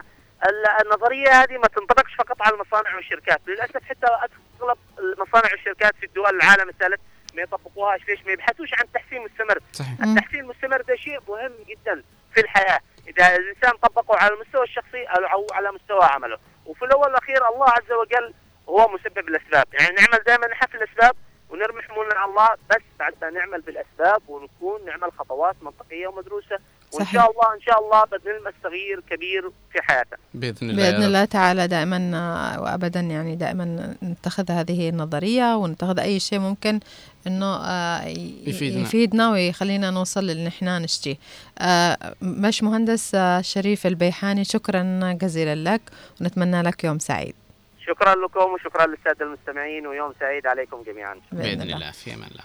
طبعا أعزائي المتابعين اينما كنتم آه، نظرية أو تقنية كايزن اللي هي good change أو التغيير الأمثل أو التغيير الأفضل. آه، هي أسلوب بسيط جدا. لا طال أي- لا طالما يعني إحنا كنا نتجاهله وهو موجود في حياتنا الواقعية ولكن هم خصصوها في اليابان على شيء أو غرض معين. طيب أنا أقول كيف ممكن أسوي تقنية الكايزن؟ أنت أماني مثلا إيش براسك تشتي تسويه وأنا بقول لك كيف تقدري تستخدميه بطريقة الكايزن. اللي بقول لك يا يعني سر. أوكي. قولي حاجة مش سر. طيب حاجة عادية. حاجة من السر قولي حاجة مش سر حاجة عادية يعني. طب آه، بقول لك آه، اللي آه، مثلا مثلا شيء مثلا مثلا الشيء آه، أفتح مشروع خاص مثلا. okay مشروع خاص أو تحسين مثلا من دخلك. من دخلي أو- أو استغل يعني استغل ماد ماديا و يعني بعملي يكون معي okay. عملي الخاص. أول خطوة هي إيش؟ التحديد. انت قلتي مشروع عشان تحددي آه إيش هو المشروع؟ المش... أيوه إيش المشروع؟ تحددي exactly أو specific. object يعني تحددي موضوع مخصص إنك مثلا okay في مجال ال- آه، التجميل مثلا. على سبيل المثال حددت مجال التجميل. طيب إيش تسوي الآن؟ التحليل. تحليل العملية. إنه okay أنا إيش بس بحتاج بحتاج مثلا بيت أو بحتاج غرفة أو بحتاج تشتري من داخل البيت ولا تشتري من خارج البيت آه كم التكلفة رأس المال إيش المواد اللي ممكن تجيبيها فقط بس تشتري حق الوجه ولا تشتري حق. الجسم ولا هذا تحدد تحليل تحليل بشكل كامل دراسة جدوى تدرسيها كامل من الالف للياء. وبعدين التحسين. هذا إذا كان عندك شغل مسبق وتحاولي إنك تحسني تحاول إنك تحسين okay تبداي تشتغل عليه. بعدين أول ما تخلصي من التحسين إنك okay حللتي جهزتي سوي الآن تحسين improve للأمور اللي حللتيها. okay أنت الآن قررتي إنك تفتحي محل أو داخل البيت في منتجات تجميل بشكل عام آه ويكون من مبلغ مثلا رأس مال قيمته 2 مليون. مم. طيب الآن كيف التحسين؟ قولي okay خلاص ما بخليه شو in general بشكل عام لا بخليه حق الوجه. بس بخصصه للوجه. okay يكون أفضل بخصصه بالوجه ويكون آه، الطلب آه، مباشر واحط الفلوس هنا ويجيب لي الفلوس هنا وانتهى الأمر. الآن سويت إيش؟ الت- التحسين الآن طبقي الآن تقريب. ضروري بقول لك أي حاجة. ما في شيء بالعالم ممكن نسويه وننجح من أول مرة وهذه خلوها قاعدة أكيد. برأسكم. طالما أنت مقبل على عمل مقبل على شيء مقبل على أي اختبار ايا يكن لابد في شيء اسمه تقريب إنه 50% يمكن نجاح و50% يمكن فشل. وهذا خلى قاعدة برأسك. ما فيش حاجة ممكن تدخلها وإنك تنجح دايركت إلا بالحظوظ. والتوفيق من الله. أول ما تبدأ تجهزي كل شيء الآن تقريب اشتري وسوي وابداي جربي صح. لو تقربتي ونجح معك إيش تستخدمي التقنية الخامسة. إيش؟ التعميد. تعتمدي عليها تفعلي الخاتم تم اعتماد هذه الطريقة. بدينا بالتحديد ثم انتقلنا إلى التحليل بعدين رحنا إلى التحسين ومن ثم التجريب. قربناها وبقيت كويسة الآن واعتمدنا. نعتمدها. طيب على سبيل المثال أنا معي مكتب معك مكتب يا غيث. إيش ذا المكتب؟ مكتب فيه أوراق هنا في ملفات هنا في هنا ورق هنا ورق. مم. طب أنا إيش ممكن أسوي؟ أول مرة أبدأ بالتنفيذ. في خمس طرق. أبدأ بالتنفيذ. التنفيذ اللي إيش okay في معي أوراق موجودة معي لازم أنفذها أسويها. ما ماني طلبت إني لا إنها لازم تغادر وأنا ضروري أوقع لها. ذا فلان يشتي كذا كذا ولازم أوقع لها. أبدأ بالتنفيذ. الأمور اللي أقدر أنجزها الآن أبدأ بنفذها. أخذ الورق اللي أحتاج أنفذهم وأكملهم. طيب اللي ما اشتيهم أيش أسوي بهم؟ طريقة التقطيع. في معك أوراق كثير بمكتب يعني ما تحتاجهمش لابد خلاص. انك تفتشي تشوفي اللي ما تحتاجهمش. وكثير كثير أو إعادة تدوير إذا كان عند الواحد يقدر إعادة تدوير فعلا آه، في كثير من المكاتب يوجد عندهم ال- الفرامة حق الورق يعني عشان خلاص. تلغيهم. ال- الحاجة اللي انتهت خلاص انتهت أيوة. تلغي. فما تحطهاش عشان تاخذ منك حيز من المكان أيوة. والفراغ ونتب... وتكون شكلها يعني غير لائق. أيوه. فتحسي إنه المكتب يكون غير لائق. فأول شيء اللي تحتاج تنفيذ خذيها ووقعيها وانتهى الأمر. وبعدين اللي زايده عندك سويها تقطيع. تقطعيها. وبعدين في شيء اسمه التفويض. أنا أوكي في معي أنت طلبتي مني شيء بس مش عندي. إدارة أخرى. أخلي الملف عندي ليش؟ بأخذ الملف وأعطيه التفويض اللي هي آه، مكان آخر أو مكتب آخر يهتم بشيء مثلا المالية أو كذا يعني كذا. ينتقل من مكان لمكان آه اللي مثلا بيساعده في الخدمة أو وفي شيء اسمه التخزين المؤقت. لابد إنه يكون معك مكان للتخزين المؤقت. معك أرشيف. ملفات أيوه مش مقدله هنا. معك إرشيف تحتاج إنك تنت- تنتظر حتى مثلا يأتي المدير العام للقطاع أو شيء. حتى ينفذ الم- المهمه أنا بحطه بمكان آخر اسمه التخزين المؤقت واخليه بعين الاعتبار إنه مؤقت عشان إيش؟ أحتاج آ- أخذه في يوم من الأيام وأبعد آ- أخرجه من مكتبي وبعدين إيش؟ آه التخزين طويل الأجل. أوكي. الحاجات اللي مهمة معي اللي لازم إني آخذها وأرجعها وأخذها وأستخدمها زي إرشيف مثلا أعمالي أخليه في مكتب تخزين آه طويل الأجل.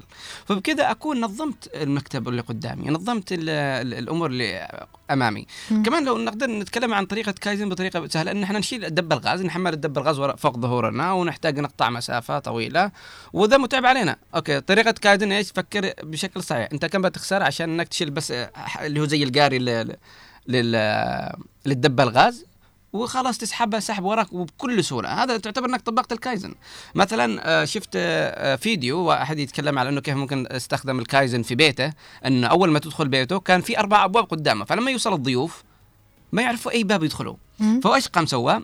آه، عمل ال- الاربع الأبواب كل باب له لون وأخذ يطبع بالأرض. هنا لون برتقالي خطوات برتقاليه إلى باب معين وخطوات صفراء إلى باب معين وخطوات زرقاء إلى باب معين. مم. وكتب بالبوابة الخطوات الزرقاء تذهب إلى المجلس غرفة الاستقبال تذهب الخضراء إلى الحمام تذهب الغرفة إلى داخل المنزل. فبكذا يعني طوالي إنه أول ما يوصل ضيف يشوف الألوان أوكي اذا بذهب بهذا الطريق الأزرق إلى م- كذا كذا. فهذه الأمور يمكن إحنا نشوفها تافهة نشوفها غبية نشوفها أن okay إيش دي الهبالة إحنا أكبر من كذا. لا بالعكس. بالعكس إحنا لازم نأخذ هذه الأمور بعين الاعتبار لأنه في ناس طبقوها في شركات عالمية تدخل مليارات الدولارات بسبب استخدام هذه الأشياء البسيطة. إحنا قد نهتم إن إحنا كيف ندر المال إلينا بشكل أكبر لكن بالطريقة التقليدية ال traditional الطريقة اللي هي آه، أصبحت الآن في عصر التطور التكنولوجي وعصر المعلومات آه، آه، شيء يعرقل الخطوة المستقبلية لأي شركة أو لأي فرد بشكل عام.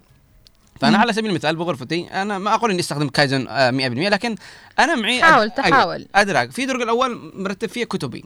تحت في الأشياء اللي هي مثلا احتاجها شاحن آه مقشطة قلم كذا أنا محطهم تحت. وتحت بالأخير في الأوراق. فلما أجي أبحث عن شيء أقول فين حطيته؟ فين؟ أكيد في الدرج الأول أكيد في الدرج الثاني. فبعضهم إنك تقدر ترتب مثلا بالدولاب بحق غرفتك فوق تقول أكيد بحط إيش؟ ال- الملفات المهمة حق عيال زي الأمهات. الأمهات يستخدموا طريقة الكايزن.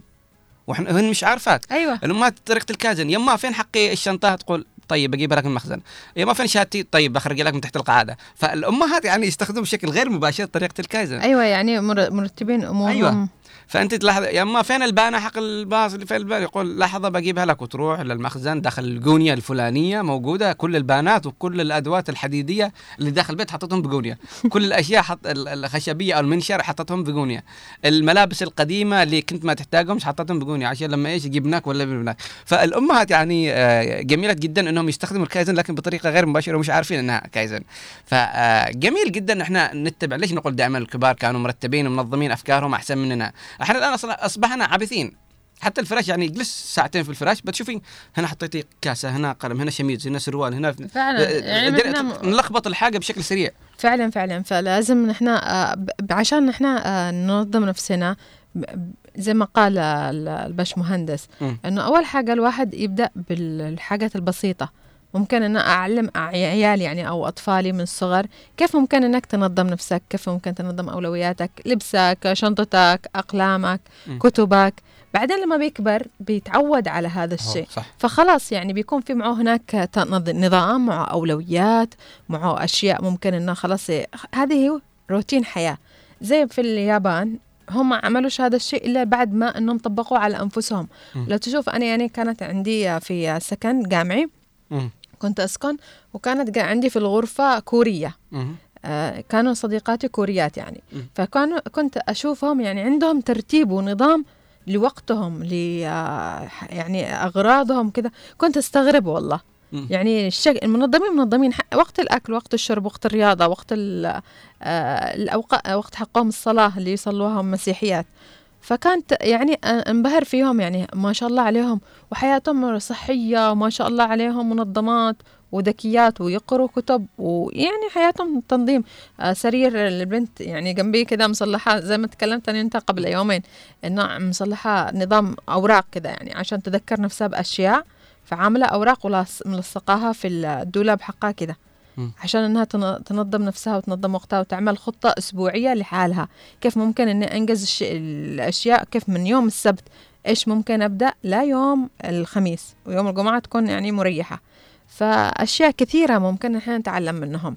فعلا. فبالنهاية إحنا أحيانا okay أنا في أسوي بعض الأشياء مش إلى أني خلاص تعودت عليه. لا أنا أحاول إني أرتبها وأنظمها عشان أجبر نفسي على إني أتعود عليها مستقبلا. فيقول لك من شب على شيء شاب عليه. فإحنا. لابد إن إحنا نعود نفسنا على حاجات آه مش شرط إنها تكون في بعضهم يقول واخي wow أنت تسوي نفسك تفعل لا بالعكس. سيبك من كلامهم وحاول إنك تنظم وقتك وتنظم أشيائك وتحط حاجات كذا حلوة ممكن آه، ترتب الأجواء أو تلطف المكان اللي أنت فيه مم. آه، عشان مستقبلا تتعود على هذا الأمر. وبكذا نكون أكملنا حلقتنا وتكلمنا بقدر كافي عن تقنية الكايزن والتي ليست بالجديده على البعض وإنما المصطلح هو جديد على البعض. شكرا لك يا أم أحمد وتقول اعزي آه، أسرة الفقيد ناصر العبادي ربنا يرحمه. وشكرا لك يا طالب بارقاش. فبكذا أعزائي المتابعين أينما كنتم نكون أنهينا حلقتنا لهذا اليوم. نتمنى أن أن هناك فائدة آه، استفدتم منها اليوم ولو بشيء فعلا. بسيط. فكان معكم من الإعداد والتقديم الزميلة أماني مجمل. وأنا غيث أحمد ومن الإخراج الإذاعي نوار المدني والإخراج التلفزيوني أحمد محفوظ ومن المكتب والتنسيق عبد الله محمد ومن البلاي أوت الزميل حسن السقاف. وأقول لكم دمتم ودام الوطن الجنوبي بألف خير. إلى اللقاء. إلى اللقاء.